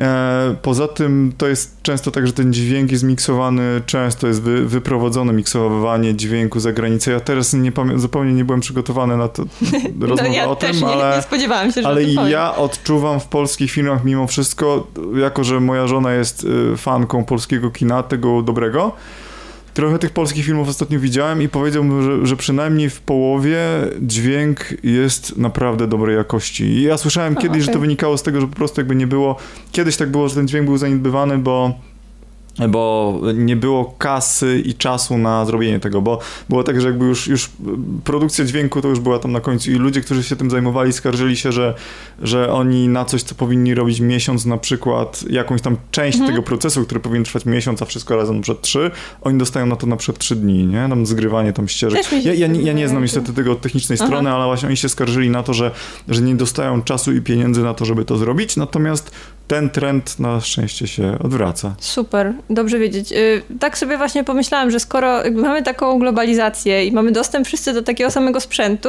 to skąd się bierze ta różnica między krajami Mhm. jakby w produkcji, w brzmieniu i wydaje mi się, że to właśnie chodzi o jakieś takie zastałe procedury, jakieś takie praktyki, które się Że stosuje. stare dziady siedzą jeszcze w Po prostu przemyśle. stosuje się to w tej firmie od lat, czy w tym, tej całej branży. Takie mamy standardy i nie daje się czasu właśnie, czy nie przykłada się wagi do tego. To jest jakieś zaniedbanie, a nie brak możliwości, czy no, brak budżetu to się wiąże z tym, że nie ma, nie ma na to No tak, tylko mnie tu nie, jakby mi podpowiada instynkt, że natura nie znosi próżni i jeżeli starzy się nie wykazują, to gdzieś tam zaraz pojawiłaby się konkurencja, która nagle zaczęłaby robić coś po polsku, ale znacznie lepiej i zaraz by to poszło Mhm. w świat, w Polskę w sensie, jakby y, nie, nie chcę powiedzieć, nie satysfakcjonuje mnie ta odpowiedź, bo to wiesz, rozumiesz, No. w sensie moim zdaniem jakby y, Nie jest coś, co, co, nie, jest coś, jest coś nie, w tym, co Nie, nie mówisz, jest coś w tym, co mówi, znaczy my się oboje nie znamy. No. Próbujemy zamaskować to, że cię nie ma teraz. Już jesteś, ale... No akurat jak, Eee, jak, odszedłeś, to zaczęliśmy o filmach rozmawiać, wiesz? Tak, właśnie, a tylko na chwilę, znaczy o dźwięku w filmach, bo to dalej dźwięk. Znaczy w każdym razie wracając do tego, mi się wydaje, że to, co mówisz, jest słuszne, tylko jeszcze niekompletne. Coś jeszcze Okej. by trzeba było No to dodać, mamy ale ja również nie mam tej podwaliny. wiedzy, więc nie uzupełnię Mamy jakieś tego. podwaliny. Y, Tak. Czy, Tomek, czy ty słyszałeś piosenkę Wiki Gabor z Eurowizji? Właśnie. Bo Tak, ja oglądałem Eurowizję. o czwartym najważniejszym Bo to wydarzeniu nie w są- to Polsce. są Eurowizja Piątym. Junior. A, Tak, w Polsce tak. czwartym. Ja oglądałem Eurowizję. Powiem, mam wielki słabo, wielką słabość do tego rodzaju Do konkursów. dzieci? Do młodych Ja w ogóle nie wiedziałem, że to jest junior. Dopiero jak włączyłem, to się okazało, że to jest junior. Ja w ogóle tego nie śledzę. Ja, po prostu... Jasne. Nie wierzę ci. Znaczy, ja ci wierzę, ale mój karabin nie. To moja żona tak mówi. O, no, agresywne. Z Kevina, samego z Nowomierku. To jest. Chyba. Okej. Ale to jest On- chyba z filmu. No, s- no. Jeszcze w sensie, jeszcze to już jest cytat z filmu w Ale tam Kevinie, ten nie? film w Kevinie został nakręcony. No, bo A, tak, pod ten, a okej. Naprawdę. Mężczyźni o brudnych twarzach. W każdym razie Nie? Pomyliłem. Bardzo jest dla mnie emocjonujący moment y, rozdawania nagród. W ogóle nie słucham tych piosenek, w ogóle mnie to nie obchodzi, jak one, może one są kiczowate, tandetne i to jest tak naprawdę disco polo podniesione do, no dobra, nie no, tam jest mam kilka ulubionych piosenek z Eurowizji, które wygrały. Są dwie. No co oczywiście to nie ja byłam Ewą. Y, nie wygrała. Nie wygrała. No, dla mnie wygrała. To było moralne zwycięstwo, się. moralne zwycięstwo, moje ulubione. To jest raz. A druga piosenka mm, to jest... Yy, no ale to był hit. No jakby... No tak, nie, no to... to ale on by i tak był, niezależnie od Eurowizji. Tak. Natomiast piosenka... Keine Grenzen. Nie, nie. Piosenka Satellite. A, y, Lenka? Tak. A, I no jestem. A, to jest taki popik totalny. W no dodatku, w dodatku ta piosenka jest o stalkingu, tak naprawdę. I jest taki, taki trochę psychozie. No, ale mówi się, miłość jest trochę chora. No więc kupuje mnie totalnie ta piosenka. Do tej pory mam ją na swojej tej playliście, która podobno trafia w gusta wielu ludzi, więc. No. więc... A ja lubię Hard Rock Hallelujah. A ja też to lubię. Potwory z Finlandii. Ach, Oni no tak. wygrali też. Faktycznie. Lo, Wy, lordzi? wygrali. Lor, nie, lo, lord, nie Lordę, tylko nie, Lord, Lord, Lord, Lordi. Lordi. Tak, racja, Lordi. racja, przepraszam, słusznie. Lordi, no. Lordi, tak. E, więc tak. Co jeszcze się zdarzyło? Dominik, czy ty coś masz z Polski? Bo ja e, tak bo mówię, że masz jakąś perłę. Znaczy, bo powiem wam tak, jakby ja nie patrzę na wydarzenia, bo jestem w swojej bańce. Ja po prostu, dla mnie wydarzeniami są kolejne płyty i single. Jakby to jest mój świat, w związku z tym ja mam, nie mam wydarzenia na miarę stadionu wypełnionego przez fanów, przez ale takosy. przez takosy z wąsami. E, natomiast ja mam płytę, która mnie bardzo ujęła, a później się okazało, że ta płyta również została doceniona przez kilkudziesięciu, kilkudziesięciu, dwudziestu paru krytyków. To zostało w gazecie wyborczej w ogóle, niezależnie Dodane. od jej konotacji, to jakby uważam, że tam artystycznie pewnie się jakoś tam wykazują, no i więc się okazało, że tą płytę, tę płytę również uznali za najlepszą płytę tego roku, więc to jest najlepsza polska tego, płyta tego roku, czyli Król i Nieumiarkowania. Mm. Króla. E, króla kojarzysz kró króla? Absolutnie nie. Ja kojarzę króla, ale już dawno nic nie słyszałam. Król, no właśnie, właśnie o to chodzi, bo e, król wydał taką płytę, on miał jakieś tam swoje projekty, Błażej Król i on, zresztą tam z żoną mają taką płytę, oni grają takie powiedzmy e, eklektyczne, ale brzmienia są elektroniczne, ale takie stonowane, powolne, niskotempowe, że tak powiem. I takie są nostalgiczne, takie mają trochę neurotyczne też teksty, jakieś tam o emocjach, które są w środku gdzieś tam zawarte. I on wydał taką płytę pod tytułem Nielot 2014 rok. I on tak co roku produkował płytę. I ta płyta Nielot mi się bardzo podobała, bo te jego teksty były jakieś takie szczere. I później przyszły kolejne płyty i druga, trzecia, czwarta płyta i im dalej próbowałem czasem nawet dochodzić jakoś tak do tego, co w tych płytach jest, to stwierdzałem, że one są coraz bardziej nudne i coraz bardziej wtórne. I nagle, nagle po czterech płytach y, przyszła piąta płyta, gdzie się, y, gdzie się król obudził nagle, zmienił tempo, przyspieszył, wrócił do jakichś takich tekstów, które znowu do mnie trafiają i facet jakby nagle, który, po którym już nie spodziewałem się niczego, żeby było ciekawego, to nagle wrzucił piątą płytę, która mnie znowu absolutnie zachwyciła. To jest człowiek, którego teksty bronią się jako bardzo grubo ciosano, to jest złe słowo, bardzo wysokiej klasy poezja. E, on do tego dorabia podkłady, które są też intrygujące i on to jeszcze wszystko razem śpiewa. on ma parę takich bardzo fajnych obserwacji. Y, jednym z jego tekstów, który mi się strasznie y, podoba, to jest na zdjęciach wychodzimy lepiej, ale pod słońce. W sensie wiecie, że jest, że jest, No i on ma bardzo dużo, tych tekstów łącznie jest niewiele, bo on często potrafi jedną zwrotkę powtórzyć trzy razy na przykład, albo e, mówi się tam, mówi się, że, ale jakby to robi fajnie, mówi tam, że, że życie to jest tam, nie wiem, e, jak to, nowela. To, to, seria siedmiu, siedmiu prób, jaka szkoda, że na drugiej odpadam, nie? Tego typu rzeczy, które mi się strasznie podobają, bo ja bardzo lubię, kiedy muzyka, tak samo jak muzyka Laocze, która jest dla mnie bardzo ważna, bo ja zasadniczo na teksty nie zwracam uwagi, chyba, że przyciągną jakieś frazy moje, moją uwagę i wtedy zaczynam analizować to jako całość. Na przykład bardzo dużo czasu siedziałem w tekstach Laocze i zastanawiałem się, o czym właściwie mówią i doszedłem do całkiem fajnych wniosków i tutaj z tym też tak mam, że z jednej strony to nie jest taka poezja, która jest totalnie nie do zrozumienia, natomiast jakby to jest taka jak gra przygodowa, że musisz spędzić dużo czasu, żeby rozwiązać tą zagadkę, ale ona jest w zasięgu twojej, e, twojej, e, twojego twoim zasięgu, no i jakby też daje to taką satysfakcję z, powiedzmy z rozwiązania i dojścia do wniosku, o czym to jest i za tego lubię właśnie, więc bardzo mi ujął tą płytą. Król. Król nieumiarkowania. Nieumiarkowania. Liczba mnoga. Czy zejdziemy teraz do polskiego podziemia? I... Możemy zejść. E, Ja Czarnych tak w międzyczasie rytmów. przypomniało mi się, że mam sprostowanie do Disco Polo i Happysedu. To było tak, że zespół Classic skowerował Zanim pójdę Happysedu w tę stronę, a nie, nie Happyset śpiewał Okej, i Disco Polo. to był Ale to, To, to, jest dla mnie dobra ale recenzja zanim pójdę- twórczości. Zanim pójdę jest, Happy Set. jest taką Happysedu. właśnie piosenką. No przykro mi. no, no, Happyset znaczy- miał parę fajnych kawałków. Ja, Ja, tak, lubiłam, ale... znaczy, y, nie, no bo Happy Set to, to jednak jeszcze wrócę, bo Happy Set w tym roku wydał płytę i ja co prawda jeszcze do mnie nie przemówiła ta płyta tak kompletnie. Bez wątpienia jednak słychać, że coś się w, e, w Happy Sedzie rusza, że tak powiem i nie mówię o pasożytach E, tylko mówię o tym, że Wow. jakby... e, Że, że, że tak jakby było truchłem, tak? I No właśnie, mam wrażenie, że to jest jednak e, je- jedno, w sensie, no bo e, Happy jakieś wydawał mi się strasznie dziecinny i naiwny i wydawał mi się coraz bardziej dziecinny i naiwny im byłem ja starszy, bo oni jakby się nie zmieniali, natomiast oni jakoś tak płyt to ich nie słucham, ale już single mi się zdarza i to ja sam sobie dałbym w ryj dwa lata temu za to, co teraz właśnie powiedziałem, bo dla mnie Happy Set był... taki portal się otwiera, jak Morty i piu.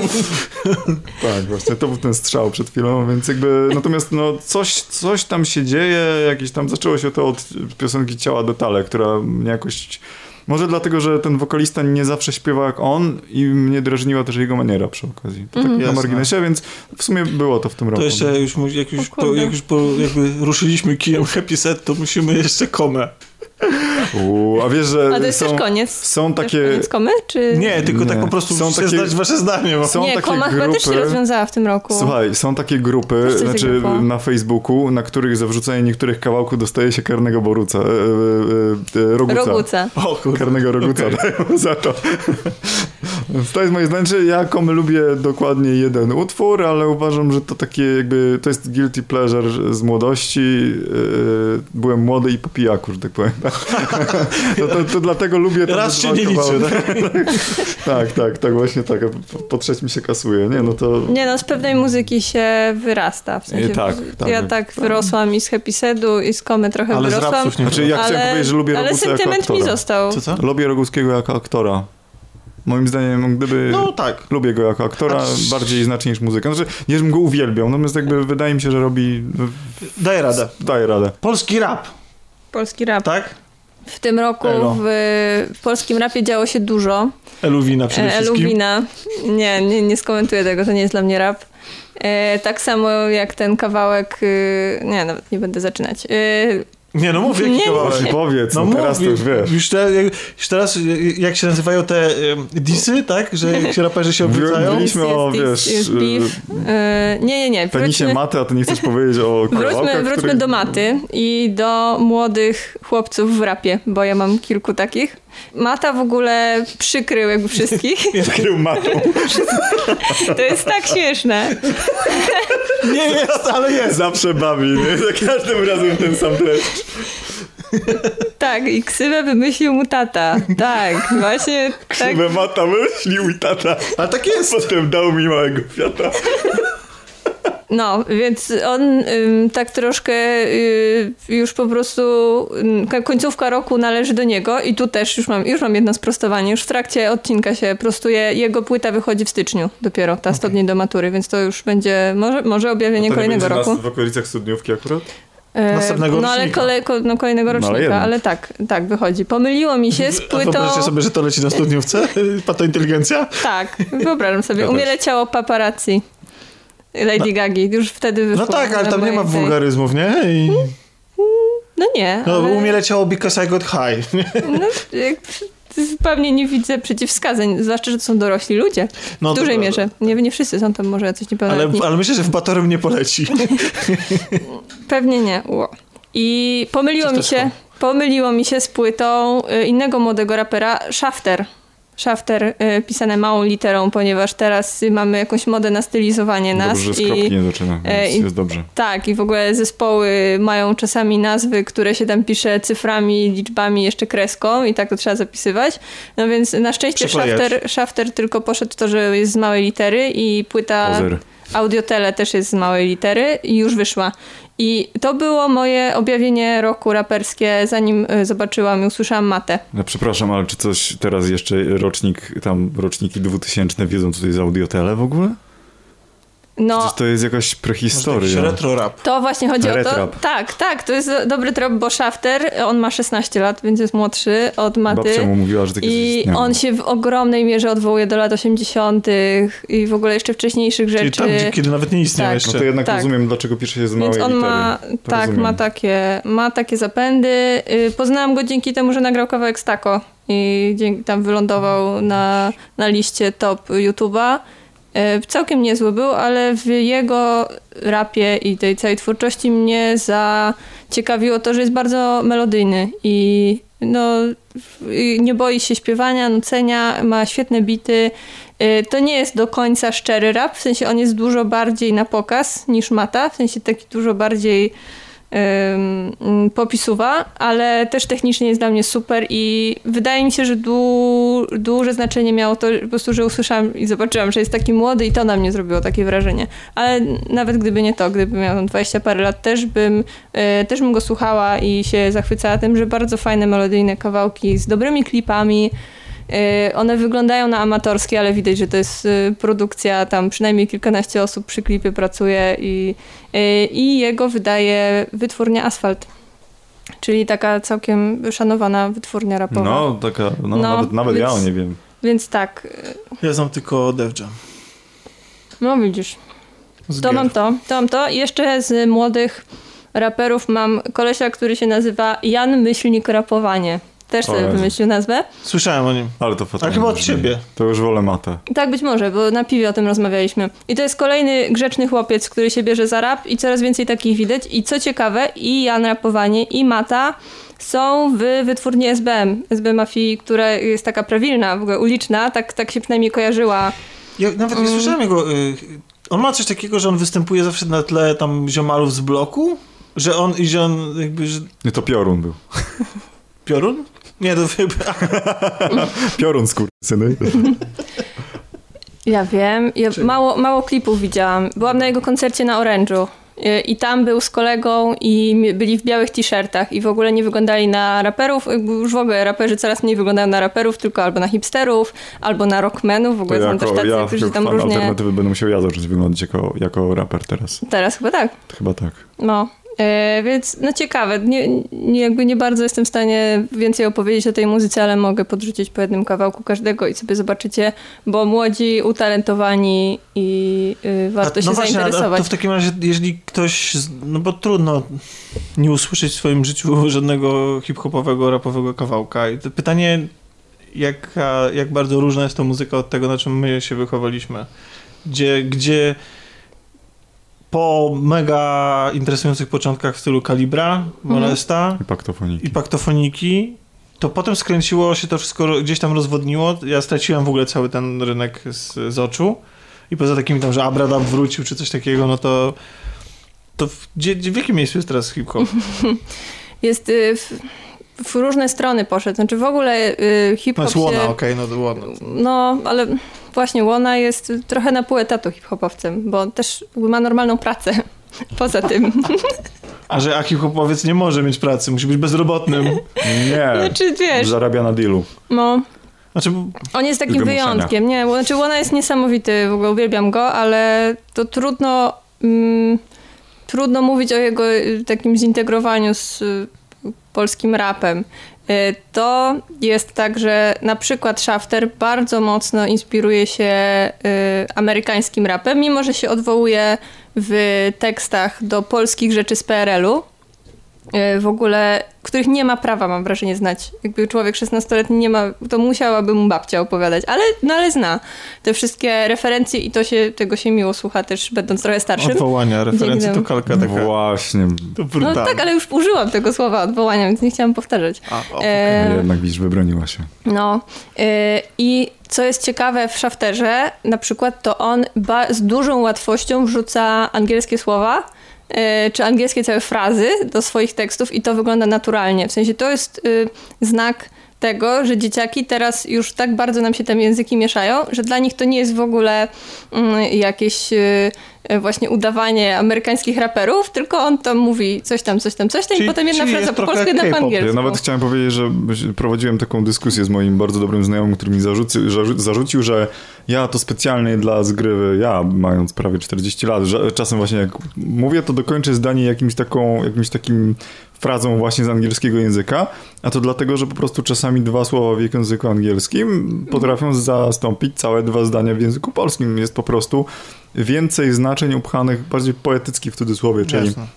więcej treści mamy upchanych w, dwóch, trzech słowach i to znaczy w danym momencie znacznie więcej, więc jakby y, niezależnie od tego, jak to brzmi, bo, bo nie znam, mówię tylko o tym, co opowiedziałaś, to, to z mojego punktu widzenia ja to doskonale rozumiem i myślę, że to i tak język się globalizuje i w tą stronę i jednak zmierza. on, się, on się globalizował od zawsze, bo mieliśmy wstawki i zapożyczenia z języka Z łacińskiego, języków. z francuskiego. I one nam wzbogacają język, w sensie Tak, mamy coraz więcej słów w naszym języku dzięki temu. Język jest żywy, aczkolwiek no oczywiście powinniśmy o niego dbać, nie? Zwłaszcza, No. że rap to przecież głównie język, nie? Tak, to jest... I, i w zabawa ogóle tak, słowem. tak sobie pomyślałem, że te moda na małą literę i rozmaite zamiana ników yy, i haseł, znaczy w sensie tych nazw zespołów na jakieś e, problematyczne do wypisania i zapamiętania na klawiaturze, to mam wrażenie, że to może być konsekwencja tego istnienia w sieci. Po prostu Mhm. I, i tego, że mamy niki, które w grach zazwyczaj, które są właśnie w ten sposób skonstruowane, że zazwyczaj nikt nie pisze z dużej litery, nie zaczyna tylko z małej i jest dużo w nich za- pozamienionych liter i takich ukrytych znaczeń i tak dalej, więc wydaje mi się, że jeżeli, zwłaszcza jeśli to są dzieciaki, że może dlatego właśnie to, wyko- No, dla nich, dlatego, że to jest dla, dla nich naturalne, że oni No. tak się posługują tym językiem, bo go znają tam z Counter Strike'a, Lola czy... Fortnite'owy jest to język, tak. Tak. Podobno Fortnite już jest passé, Aha. y, podobno teraz jest... Y, widziałem taką, taki cytat na Twitterze, że jakaś tam, ktoś tam zapytał e, swojego młodszego bratanka właśnie odnośnie Fortnite'a, a ten bratanek powiedział jakiś taki małoletni, powiedział, że Fortnite to już nikt nie gra. Teraz, teraz, i, a, a czy słyszałaś o Dungeons and Dragons? Uuu, a to jest, y, stre, to jest po, po pokłosie Stranger Things. Jestem Też, pewien. ale też myślę, że myślę, że naturalny rozwój mm, planszówek i bardzo duży wpływ takich em, show internetowych jak Rolling Dice czy, em, czy właśnie takich nie Rolling Dice, Critical, Critical Role, tak, Critical Role. To są takie mm, w tej chwili oni urośli, urośli, to są już takie show na YouTube'owe, których y, znani bądź mniej znani, a już na pewno po jakimś czasie na pewno są znani, em, ludzie grają publicznie w RPG Dan i, Harmon miał taki show Tak, na pewno, tak. że grał z kolegami w D&D właśnie. Tak, i to jest na tyle popularne, że w ogóle ludzie tego to oglądają i ci bohaterowie i aktorzy, którzy się w to wcielają, yy, właściwie wyrastają, właśnie, to samo, samo w sobie stało marką, nie? Więc wydaje mi się, że granie w RPG klasyczne, a zwłaszcza Dungeons and Dragons, to jest właśnie pokłosie też tego. Także yy, ciekawych czasów dożyliśmy, ale wracając No. do ciekawych czasów w polskim blokowisku. Przyszła Yy, to o W tym, nie? blokowisku, y, czy ja mam do polecenia tyle? Wiem też, że w tym roku zaliczyliśmy powrót y, PZ-a i No. y, jakby dużo starych wyjadaczy typu Soku nagrał płytę, która podobno jest świetna. Y, Ja jej jeszcze nie przesłuchałam do końca i nie jestem w stanie się wypowiedzieć, ale Soku między innymi grał na festiwalu, który jest dla mnie osobiście, prywatnie wydarzeniem roku w Polsce muzycznym i to był Fest Festival w Chorzowie. Nie wiem, czy o nim słyszeliście, ale ja tam pojechałam ze względu właśnie na Jadena, na, na Jadenka pojechałam, a sam festiwal po raz pierwszy był organizowany tam i zebrał w sobie na tam, nie wiem, siedmiu czy ośmiu scenach najróżniejsze gatunki muzyczne. Znaczy, no, może tam nie było disco polo, ale na jednej scenie była sarsa, na innej bass astral i go, na innej techniawy, na innej rapsy. Jedna, właściwie jeden namiot był rapowy, tam też grał Soku i podobno świetny koncert. Yy, alternatywne rzeczy naprawdę yy, i udało się zrobić taki festiwal. Dodatkowo on miał też oprawę taką bardzo artystyczną z instalacjami, z jakimiś tam kącikami, takim jeden kącik hipisowski, jeden kącik z jakąś właśnie instalacją artystyczną y, i wszystko w Parku y, Śląskim w Chorzowie. Więc świetne miejsce. Jakby jest kontrowersja związana z tym, że o, zaraz obok jest zoo i czy festiwal nie jest y, jakby ze No, szkodą pewnie. dla zwierząt Aha, w zoo. tym sensie nie pomyślałem sobie, że mniej więcej podobny poziom publiczności po prostu. Nie, nie, nie. Myślałem sobie, że to ironiczne. Nie, ja rozumiem, no, że, że lemurom było głośno. Znaczy, Tak, że szkoda, Żartuję, że po pierwsze park, park się niszczy, a poza tym zwierzęta nie lubią hałasu, więc... No tak, y, no tak. Ale mimo tych, mimo tych głosów już y, potwierdzono, że przyszłoroczna edycja też się tam odbędzie i tam jest, ja po prostu, to był najładniejszy festiwal, na jakim byłam. Zdaję sobie sprawę z tego, że jest y, sporo takich niszowych wydarzeń artystycznych, festiwali, które mają jeszcze ładniejszą oprawę i tam ozdobione sceny i tak dalej, ale to po raz pierwszy się przebiło do mainstreamu i dzięki temu, że takie duże nazwiska, e, tam w ogóle miał Wu-Tang Clan grać e, i ten koncert został odwołany. To była afera. Uuu. Niestety, no nie wiem z czyjej winy, e, ale ja byłam y, jakby innego dnia i, be i, i po prostu to moim zdaniem wydarzenie roku. W sensie po raz pierwszy tak, tak miło się na tym festiwalu, na, na festiwalu czułam i też y, fakt, że tak różne gatunki muzyczne były tam obecne i nie było żadnego konfliktu. W sensie fani jednego zespołu nie, jakby nie starli się z fanami bardziej alternatywnego. Pewnie dlatego, że muzyka łagodzi obyczaje. Na Tak. pewno. W latach 90. znaczy to robiła. Tak, ale dzięki temu ja poszłam na y, scenę z tam z muzyką elektroniczną, nie wiem nawet jaki to był, czy to był jakiś house, czy jakiś trance i po prostu i było świetnie. Normalnie bym nie poszła na ten koncert, a koleżanki mnie zaciągnęły z, y, ze świetnymi wizualizacjami, ze świetnym przestrzennym dźwiękiem i ja tam naprawdę w ogóle wpadłam w jakiś trance. W trakcie tego koncertu było super. no muzyka na żywo przecież w ogóle ma potężne, potężną przewagę w pewnym sensie nad muzyką taką graną normalnie. Przynajmniej czasami, nie? Tak, jakby, No. tak, tak. No ja mam zazwyczaj problem z tym, że... A ja nie jestem że, bardzo że, koncertowy. że tak, ja też nie, bo mam problem z wokalem po prostu, który zazwyczaj jest dla mnie niewyraźny i za cicho w, w stosunku do reszty. Tak, to jest, to jest problem. To jakby są wykonawcy, których zdecydowanie wolę słuchać w domu sobie na Mhm, spokojnie, ale są tacy, których muszę jakby na koncercie, bo to jest zupełnie inne doświadczenie. Nie chcę wyjść na No. wykształt ciucha, ale miałem takie doświadczenie, że poszedłem zupełnie przypadkiem na koncert jazzowy takiej grupy, która w ogóle gra taki totalnie trudny jazz. Jak sobie myślałem, Boże, trudny jazz będzie, to ja w ogóle będę tam, będę No, ale tam strasznie. słyszysz każdy dźwięk, nie? Słyszysz każdy dźwięk, ale w ogóle to, to jest coś takiego ponad tym, bo widzisz tych muzyków, którzy ze sobą rozmawiają, że tak powiem. Widzisz jakby Mhm. tą nadmiarową improwizację, której, która nie jest zaplanowana i która jest jakby pod kątem tego i oglądasz to i myślisz, kurczę, to jest super. Posłucham sobie i w domu, wracasz do domu i myślisz, Boże. No tak, bo to jest muzyka miejsca, w chwili. Tak, tak, więc jakby absolutnie No, to jest improwizowana, przykład czegoś takiego, ale z muzyką elektroniczną jest bardzo, bardzo podobnie, kiedy na przykład dla mnie The Antwoord również jest przykładem muzyki, która jak zacząłem, podobały mi się stare kawałki The Antwoord, weszły nowe i pomyślałem sobie, kurde, e, to jest słabe. Po czym kiedyś na jakiejś imprezie weszło w ogóle The Antwoord i po prostu ja byłem cały spocony w ogóle, bo tak się tu wytańczyłem, nie? Dance, tam jump motherfucker, jump motherfucker, jump, jump. To właśnie byłem ja wtedy i jakby od tego czasu zrozumiałem też, dla mnie to było istotne, że jakby odbiór jest bardzo istotny i to, że coś może na słuchawkach nie zawsze grać, nie ma żadnego znaczenia w kontekście prezentacji. To jest zupełnie inne medium. Mhm.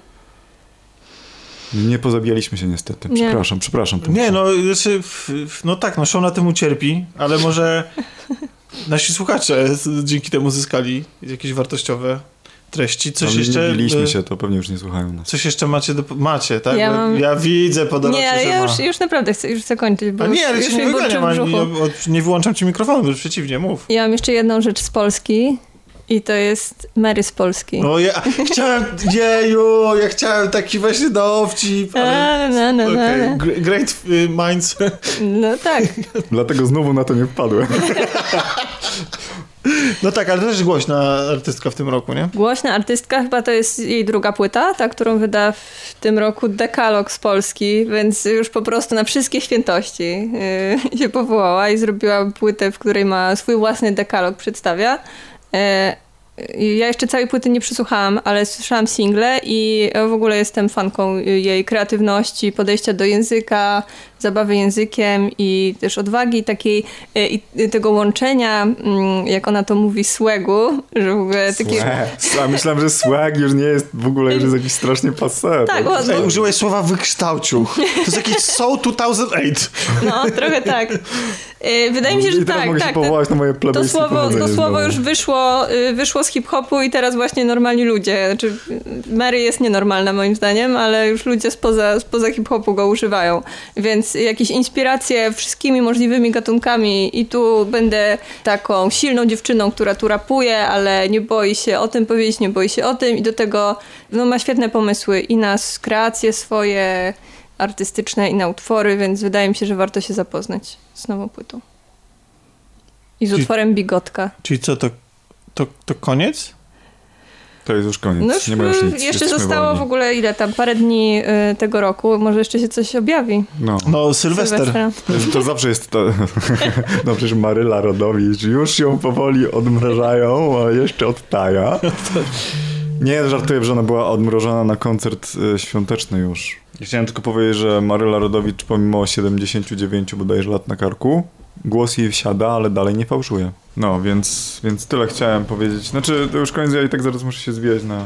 No ten, tak, na tak, nie no, muszę się przebrać no, mu- muszę jechać. y, gadaliśmy Prawie 3 godziny. prawie 3 godziny o muzyce. To by się jeszcze dało bardzo mocno Bardzo, rozwijać. bardzo Jasne, możemy oczywiście. to rozciągnąć. W sensie y, ja już y, niewiele więcej mam przykładów muzyki z tego roku, ale gadać mogę długo. Tak, bo możemy przeskakiwać. No, no ode mnie w każdym razie najważniejsze rzeczy, które również dla mnie były najważniejsze do poruszenia w tej formie, bo bo na playliście wygląda inaczej, ale tam to już wytłumaczę. Dziękuję wam bardzo. Było to bardzo pouczające. Dla mnie, kompletnego ignoranta, dowiedziałem się dużo mnóstwo ciekawych Że rzeczy. jestem strąbek wielkich na przykład. Tak, to było, To było najważniejsze. to było najważniejsze. Nie wiem, no po prostu nie będziemy tego jakoś specjalnie kończyć. Nie mam pomysłu na zakończenie. Bo- Polecamy się na przyszłość. Tak, jak będę mógł, to... Znaczy, ja mam większy problem logistyczny, ale zobaczymy, co da się Nie, no to w ogóle totalnie powinien szczęście wpadać. I z żoną. Tak, ja też się zgadzam, ale to... Może jak przesłucha tego odcinka, to wiesz, posłucha Ona. ciebie i zrozumie, że my tu sobie Ale ona mnie nie słucha, to siedzimy i jemy To ciasto. jest moja żona, mnie, mnie nie słucha, więc... A, okej. rozumiem. I nie rozumie. To już w ogóle. E, czasem rozumiem. Czasem rozumie. Nie, Pozdrawiamy żonę Dominika. Sylwia, macham ci. Tak, e, to, to był Dominik Nowak. Tak, to ja. Przypominamy, że będzie lista jakby utworów, tutaj wymienianych i playlisty jakby w opisie tego odcinka, gdziekolwiek e, tego słuchacie, to na pewno ten gdzieś tam znajdziecie, albo jak nie, to na naszej stronie wszystkogra.tv.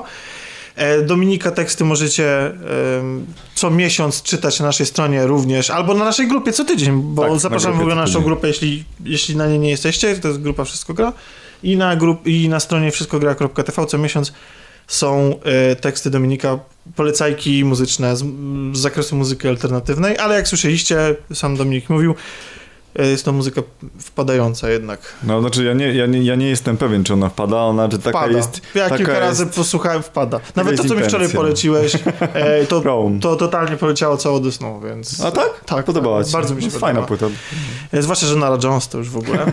E, tam jest i Dorota Wojtasiuk.